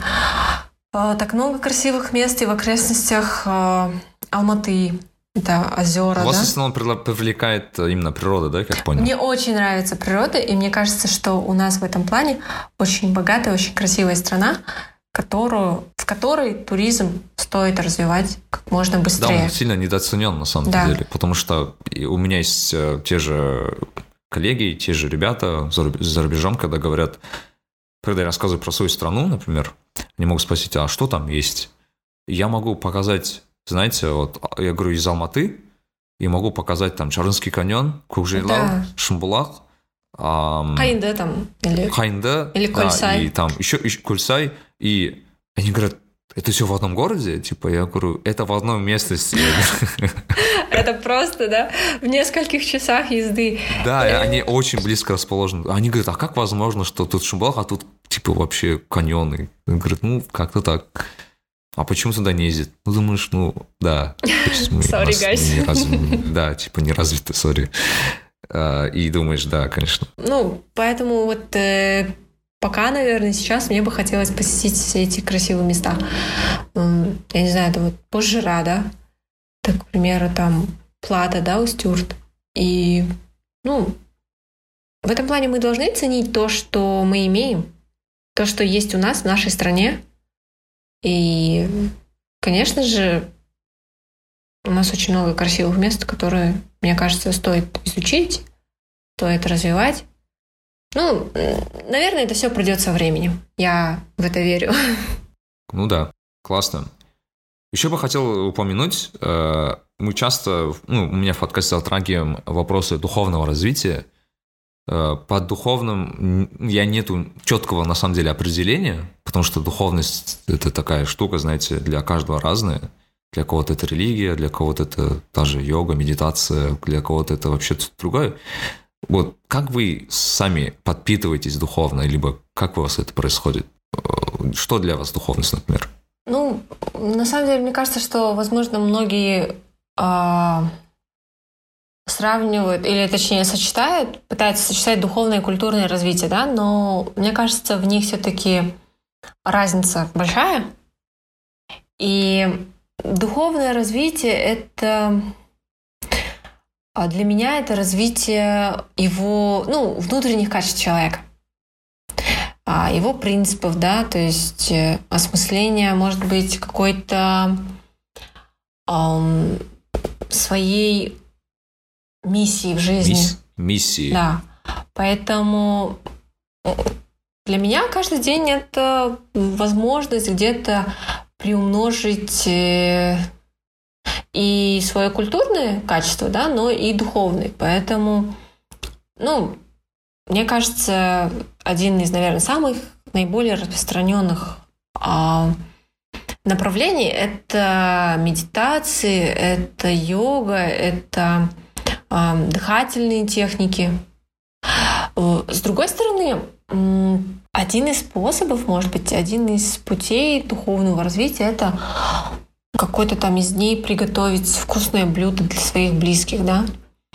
То есть, то есть делать каждое действие с максимальной любовью к себе, с максимальной, да, с максимальной заботой к близким. То есть это может быть, я не знаю, сказать какие-то ласковые слова, исключить, может быть, какое-то осуждение, недовольство, зависть. То есть все это может быть, э, все, все эти пути, они могут быть разными. Но самое главное, чтобы ваши качества в человеке, они развивались. То есть для, для вас, для вас духовное развитие только больше развитие такое на, основанное на каких-то действиях, да, то есть это забота, там, а, да, это... какие-то... То есть это mm. может быть где-то йога, может быть где-то медитация. А, но самое главное, каждое свое действие просто выполнять а, с любовью к себе, любовью к близким и любовью к окружающим. И, возможно, мне кажется, когда у тебя есть а, желание стать лучше, то есть проявить да, какие-то свои хорошие качества, тогда человеку, в принципе, становится легче двигаться. Главное, чтобы у тебя была цель жизни, и при этом ты осознавал, да, что ты хочешь делать, чем, чем ты хочешь заниматься, чем тебе, ну, что тебе не нравится, может быть. А, чтобы у тебя было спокойствие, терпение, выдержка, потому что есть разные сложные ситуации непростые, да, когда лучше всего соблюдать и сохранять собранность. Собранность мыслей, собранность себя. Ну, такая целостность, собранность. Ну, желательно, конечно, иметь а, гармоничные отношения с людьми, да, с окружающими тебя. То есть, а, ну и мне кажется, что нужно максимально м, чаще дарить добро, а творить добро, да. То есть есть же фраза Махатмы Ганди «Be the change you wish to see in the world». По-моему, она так звучит. И мне она очень нравится, то есть стань тем изменением, которое ты хочешь видеть в мире, если я не ошибаюсь. И мне кажется, она э, очень важна, потому что когда ты духовно питаешь и развиваешь себя, ты живешь в ладу да, с собой, то потихонечку ты запускаешь вот эту вот эм, цепочку, цепочку хороших действий, цепочку хорошей энергии, атмосферы. И она будет наполнять э, твоих близких, окружающих, с кем ты контактируешь, да, кого ты сегодня увидела, допустим. Кто-то может, я не знаю, на тебя посмотрел как-то недовольно, а ты пожелал ему, не знаю, счастья. Ты улыбнулся ему. То есть ты стараешься максимально а, относиться ко всем с любовью, положительно, позитивно. И это, мне кажется, для, ну, для меня, может быть, я не права, не знаю. Для меня это возможность э, тоже развиваться духовно.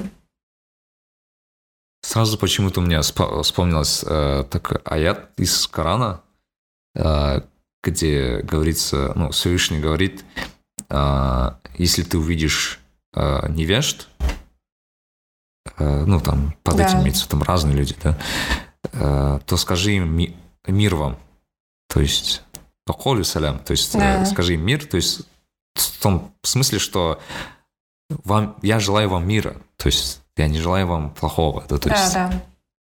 К этому, да, идет. Угу. Вот, ну, для меня очень, это очень такое похоже. понятие духовного развития. у каждого на свое, мне кажется. Да, просто я к тому, что у вас же очень конкурентный спорт. Я к этому. То есть э, в конкурентном спорте иногда, знаете, вот эта сама конкуренция иногда перевешивает сам даже смысл спорта и то, что люди... И мне кажется, без вот этого духовной составляющей очень сложно ну, вести себя, ну, то, чтобы вести себя, ну, наверное... Быть порядочным. Порядочным, да, да, да, да. То есть быть тем самым человеком, который... Потому что, ну, спорт – это же не сама цель, скорее всего. Да. То есть это же под этим есть смысл. Вот. Ну, это, э, видимо, важно. Да, нужно помнить, что конкуренция всегда должна быть здоровой, она должна быть спортивной. И в первую очередь, э, когда играют два человека, э, они стараются просто каждый из них реализовать свой план, да? То есть не нужно как-то к этому относиться негативно, там, прийти сопартичать, все, там, я тебя сейчас сокрушу, да, от тебя ничего не останется. Нет, такого не должно быть. То есть, конечно, ты должен быть всегда настроен там, «Ну, я хочу выиграть, да, я надеюсь, что у меня все получится, я в это верю. Но это должно быть все в рамках адекватности при этом. То есть... э, Такая ты- этика должна соблюдаться. Конечно, конечно. Ну, этика, она должна быть, в принципе, соблюдаться везде. И самое главное для меня в каждой партии показывать максимально хорошую игру, максимально лучшую игру. Потому что ну, я для этого играю в шахматы, чтобы с каждым днем моя игра улучшалась, да, чтобы я видела, что вау, какую я, ну, не знаю, там, провела комбинацию, какой я реализовала план, а, как я правильно почувствовала, что здесь нужно, к примеру, там, не знаю, разменять там какую-то пару фигур, да. То есть э, для меня это очень важно. Но это не означает, что я не амбициозный человек. Нет, я амбициозный человек. Я, я ставлю перед собой цели, задачи. Я хочу там достичь многого. Но все это э, должно делаться с любовью.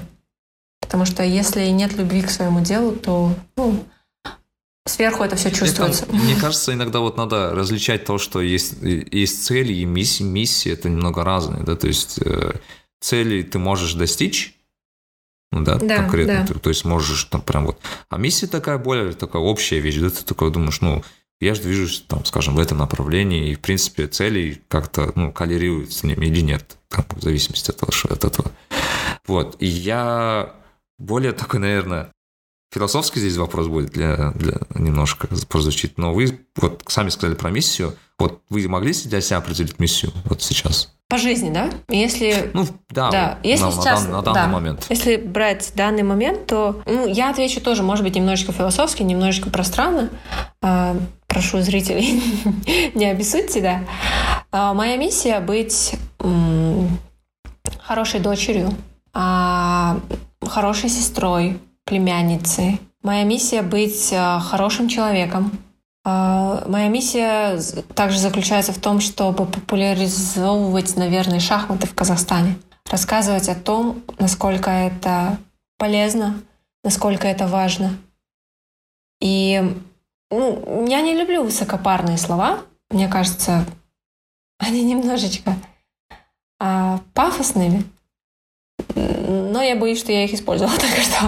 Нет, А, это очень правильно. Да, ну, в смысле, я, это не сильно э, высокопарно, Да, я просто так. хочу быть э, хорошим человеком, хорошим гражданином, который э, живет в ладу со своими принципами, со своими идеалами, который не предает своих близких, который верен себе. Я хочу быть тем человеком, а, на которого, наверное, могут положиться мои близкие. Рассчитывать, скажем так. Да. Чтобы они всегда знали, что я рядом. Я всегда на их стороне, да. И, ну, для меня это самое главное. Если, конечно, не брать какие-то такие глобальные задачи. Если глобальные, то да, шахматы.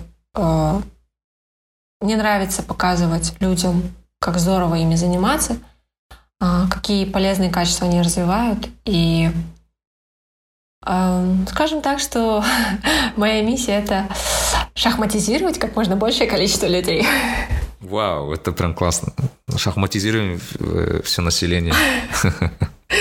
Такой большой. Захватим, мир- захватим мир шахматами. Да, переходи на нашу сторону, у нас есть печеньки. Да, да, да, да. Там причем же классно, там можно сказать и на белую, и на черную сторону. Да, да. Выбирай свою сторону. У нас обе стороны одинаковые. Классно, слушайте, прям вот очень э, мотивирующе на самом-то деле. Э, и реально вот такую Динару я еще не слышал, скажем так. Спасибо. Значит, это ваша заслуга в том, что вам удалось э, своими вопросами раскрыть меня с другой стороны. Нарик Билай. Классно, классно.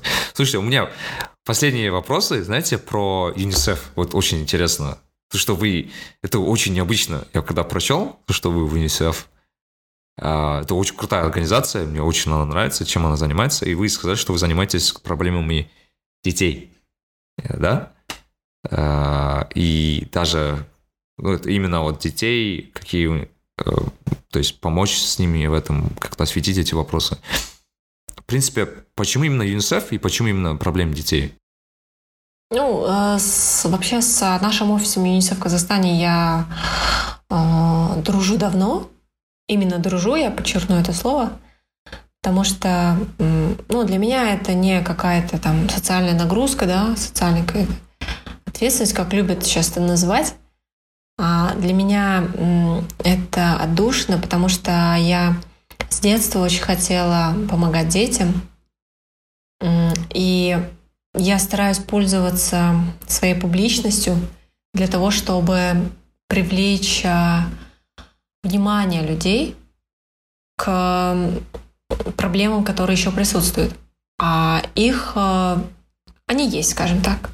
И, конечно, вот э, мое назначение состоялось в конце 2017 года, и с этих пор а, я вижу и, ну, я надеюсь, что вообще а, мое вовлечение в эту организацию, но поможет. Оно, в принципе, уже помогает, да, заручаться еще большей какой-то поддержкой. А, но мне очень хочется, чтобы с помощью меня ЮНИСЕФ а, доносила а, очень правильные и нужные посылы. Потому что нужно дать возможность а, нашей молодежи, нашим детям занять какую-то активную, может быть, гражданскую позицию. Потому что очень часто принимают решения взрослые, которые касаются жизни детей, без их участия, не спрашивая их мнения.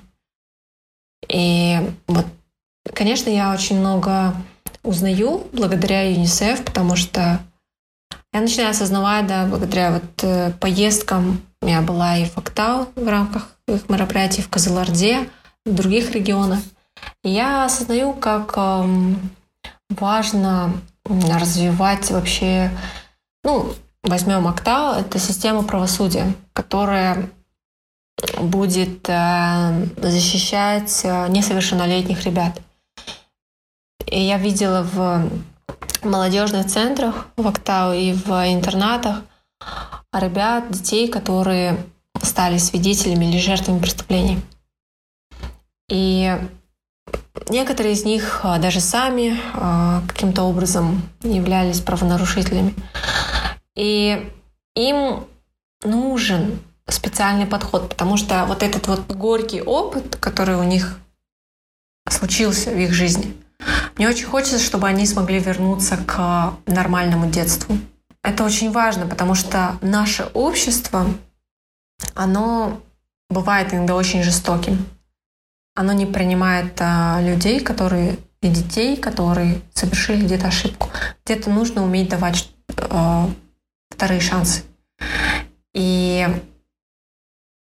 я понимаю, что ну, это серьезная работа, да, быть послом доброй воли ЮНИСЕФ. Поэтому я очень четко старалась распределить вообще свое время, свои силы, а, между своей профессиональной карьерой и общественной деятельностью. И вот идеалы, а, задачи ЮНИСЕФ, они мне очень близки, потому что, повторюсь, а, всегда мечтала помогать и поддерживать детей. И да, я, может быть, не осознавала а, раньше, до своего назначения вообще, всю глубину вопросов, И ну, теперь я узнала множество нюансов, тоже таких полезных для себя, воспитания детей. Я познакомилась с результатами различных исследований. И, конечно, сейчас э, я надеюсь, что стану хорошей мамой и вот хорошим другом для своих детей. Вообще, дети, они очень уязвимы, они, они не всегда могут осознавать свои права, да, что есть такая конвенция, многие вообще не знают. И они не всегда могут постоять за себя. Поэтому мы, взрослые, да, а, они, ну, мы должны прислушиваться к их мнению, мы должны заботиться о них. Потому что ну, каждый ребенок, он заслуживает а, здорового, счастливого, а, безопасного детства. Слушайте, вот мне интересно, вы же упомянули, что вы начали более, более углубленно это изучать, те же проблемы.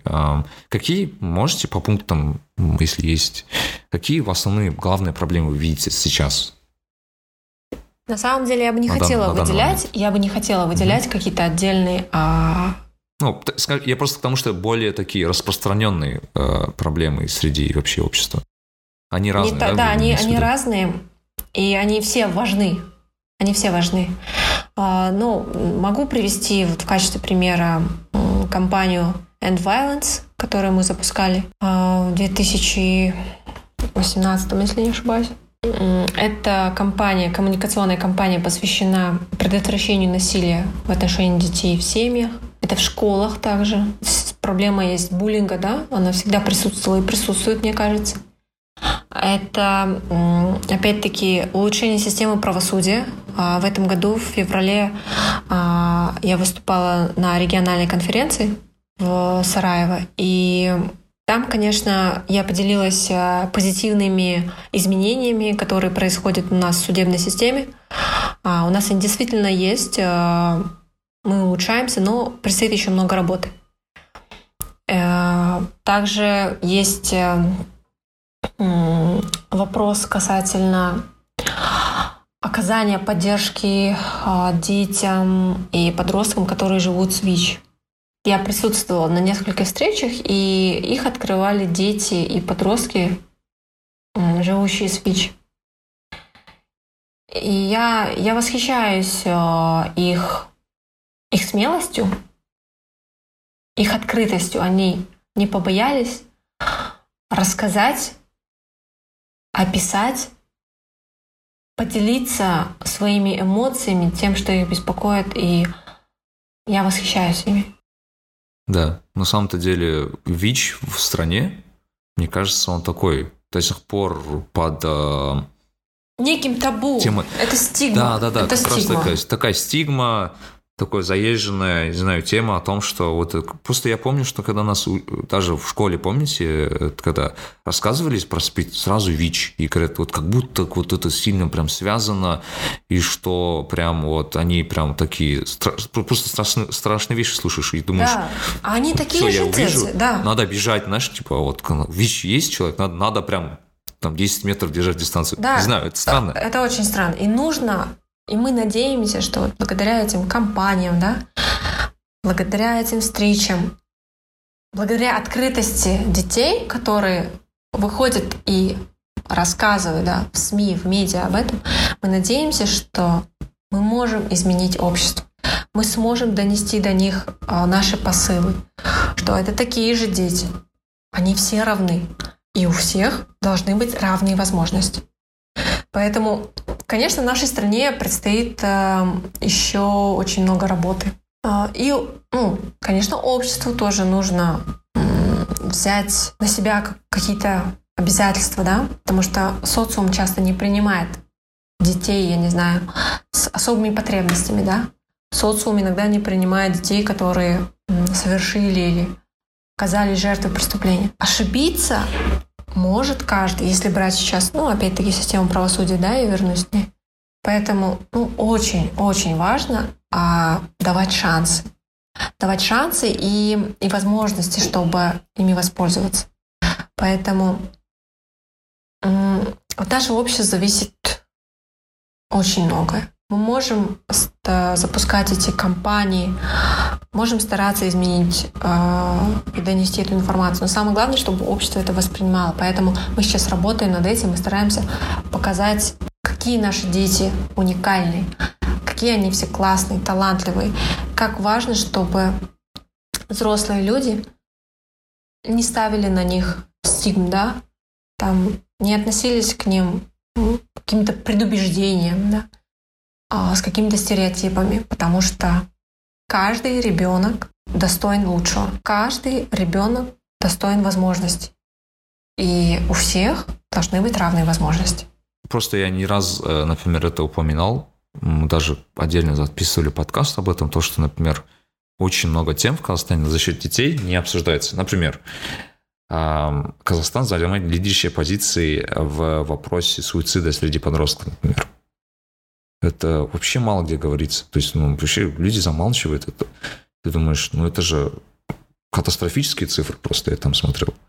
Ну, то есть, э, по сути, э, большое, ну, это прозвучит очень ужасно, конечно, но там часть молодежи, молодежи да, с проблемой, они просто не, не, не добираются до взрослого, потому что ну, то есть они не становятся взрослыми, потому часть, часть из них, потому что тупо вот реально часть из них умирает. Да.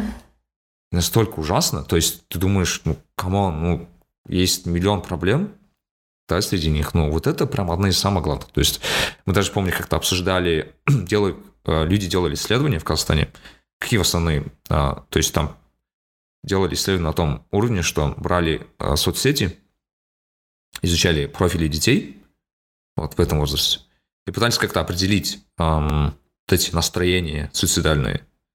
Они очень высокие. Да, и да, пытались это определить, и, например, один, одним из них, например, одним из самых главных, это было эм, дети, которые сдавали ЕНТ, например, то есть сдавали вот эти экзамены, и основная тема то, что э, родители им говорили, мол, это твой последний шанс. Да, они боялись не, не оправдать знаю. ожиданий. Да, ожидания вот, типа, родных. вот, да. вот это твое дело или, ну, типа, сейчас или никогда, там, и, и так далее, да, то есть вот, и ты думаешь, блин, ну, нельзя же так сильно ограничивать детей, то есть ты думаешь, окей, ну, не, сдал, не сдался он этот ИНТ, ну, блин, ну сколько человек просто, сколько людей есть, да, которые не сдавали да. его. Да, то есть... И из-за этого высокого уровня стресса, вот этой ужасной нервной обстановки, конечно, такие срывы, они э, случаются, и это, это ужасно, потому что родители, конечно, очень сильно давят порой. Ну, эта тема, да, она, мне кажется, требует даже а, отдельных а, разговоров, отдельных бесед, потому что проблем на самом деле ну, очень большое количество. Да, есть позитивные изменения, они присутствуют, но взять даже ну, тот факт, что вообще наш регион Центральной Азии, не знаю, знаете ли вы, но мы вышли на второе место в мире по распространению ожирения. Oh. Да, то есть да, и, и такая есть проблема. И, конечно, а, она тоже немаловажна. Поэтому работы предстоит очень много. И а, это да. Я вот, это сильная, кстати, информация. Очень, я не знал. очень печальная статистика, но нужно двигаться, вот, э, поэтому мы тоже со своей стороны старались показать э, и рассказать о более правильном питании. Конечно, это все требует и финансовых средств, да, потому что ну, многие продукты хорошие, они, они стоят, да, недешево. И тоже мы старались со своей стороны рассказать, э, ну, к примеру, на различных э, митингах, э, встречах, спрашивали у детей, да, вот у вас есть определенная сумма денег, что бы вы хотели в магазине, что вы возьмете? И они приходили и рассказывали, что мы возьмем э, какие-то не совсем полезные продукты, потому что, извините, но у нас есть такая сумма денег, да? И в первую очередь даже в магазинах а, на глаза нам попадутся снеки, нам попадутся чипсы, нам попадется кола, да, а, попадутся, я не знаю, какие-то там шоколадки, а, там кириешки и так далее. То есть это даже... Ну, это даже не Это еда, даже на самом маркетинговый ход вот многих магазинов, которые вот именно на кладут на полки, которые мы видим в первую очередь, да, там, ну, у них есть своя система, оказывается, они ложат именно такие вот а, какие-то не совсем полезные снеки, потому что знают, что Причем они, купятся. знаете, ложат же их именно на уровне э, роста детей. Да, да, то есть Заметили? а, там как раз таки было исследование, и, по-моему, если я не ошибаюсь, в Чили а, приняли решение поменять а, вот эту вот политику, и там как раз таки тоже они ложили там, допустим, рост трехлетних детей, они там ложат всякие киндеры, да, там, я не знаю, шоколадки, чтобы схватил и пошел дальше ребенок. А они поменяли эту политику магазинов, и э, вроде статистика начала о, двигаться и улучшаться. Поэтому... Такое простое решение, да, на Да, самом деле, а, просто поменять это. Да, ре- решений, в принципе, способов много. Самое главное, чтобы это все двигалось, чтобы это все хотя бы на каких-то этапах сдвинулось. Потому что, ну, мне кажется, вопрос э, ожирения, он тоже очень важен. И если мы хотим здоровую нацию в будущем, да, и если мы хотим здоровую нацию сейчас, мы должны предпринимать какие-то действия. Так что, ну, опять-таки, охватить все мы, конечно, стараемся, но это тоже непросто. И поэтому я очень восхищаюсь нашим офисом, той работой, которую они проделывают. Это, да, это очень полезная и на самом деле нужная а, вещь, я считаю. Очень классно. А, Динар, большое спасибо. У меня, в принципе, уже заканчиваются Да. вопросы. У меня тоже. Да, у вас тоже. Ну, я в конце просто хотелось бы такой некий... Только у меня есть такая... Не то чтобы я дуть, но у меня есть некие вопросы, которые я просто люблю задавать в конце. Хорошо. Давайте А, попробуем. Да, это, то есть, э, первое, это, знаете, вот, предположим, вы, вы, вы э, с друзьями, то есть вы хотите, у вас есть друг, да, подруга, э, вы хотите подарить этому, этому близкому человеку э, книгу. Какие книги вы подарили бы сами? Так, э, первая книга, наверное, Сунь Цзы или же Конфуций. Ну, это опять-таки в зависимости от предпочтений а, моих друзей, потому что, ну, кто-то предпочитает трактат о войне почитать, а кто-то предпочел бы а, мысли Конфуция. Затем, м, наверное, продавец обуви Фил Найт. Nike. А, Да-да-да. Да. э, Классная книга. И а, Малкольм Гладуэлл, Давид и Голиаф. Мгм. Четвертой книгой был бы Мухтар Шаханов, потому что я понимаю, что Абая, наверное, все пытаются назвать. А, и Шаханов какая книга, наверное? Не знаю. Ну, или просто со- сборник. да, сборник, сборник, я думаю, сборник, потому что здесь там сложно будет мне выбрать. И а, пятую книгу, м, думаю, что книга радости Далай-Лама и Десмонд Туту. Такой вот топ-5. Как необычно, да. Такой второй вопрос. Он немного необычный, но это такой... эм, вот предположим, вот предположим, да, вы, у вас есть э, самый большой билборд в городе. Вот вы сейчас в Астане. а, вот в Астане есть самый большой билборд там на уровне, не знаю, Байтерека, я не знаю. Просто предположим, что а, его все видят, весь город, да? все проезжающие машины, люди. Вот. И у вас, и она ваша, и вы хотели что-то поставить туда. То есть фразу, фотку, не знаю, что-либо.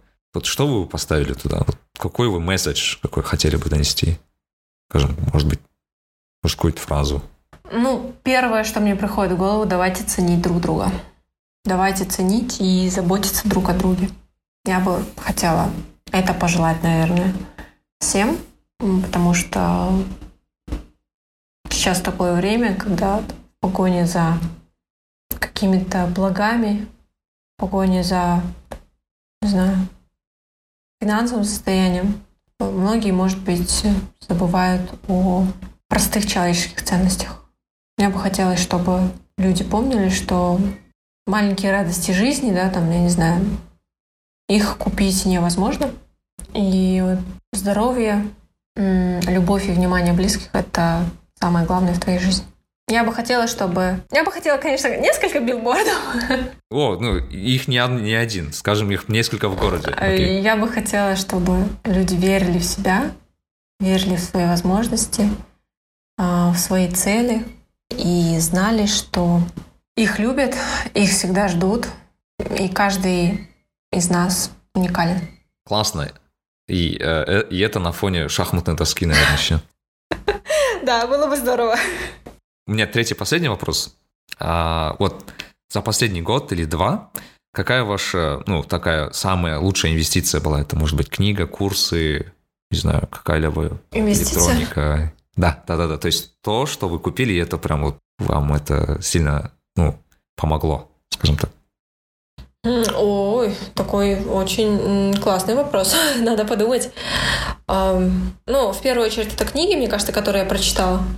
Кто-то мне, ну, какие-то книги мне дарили, какие-то я приобретала сама.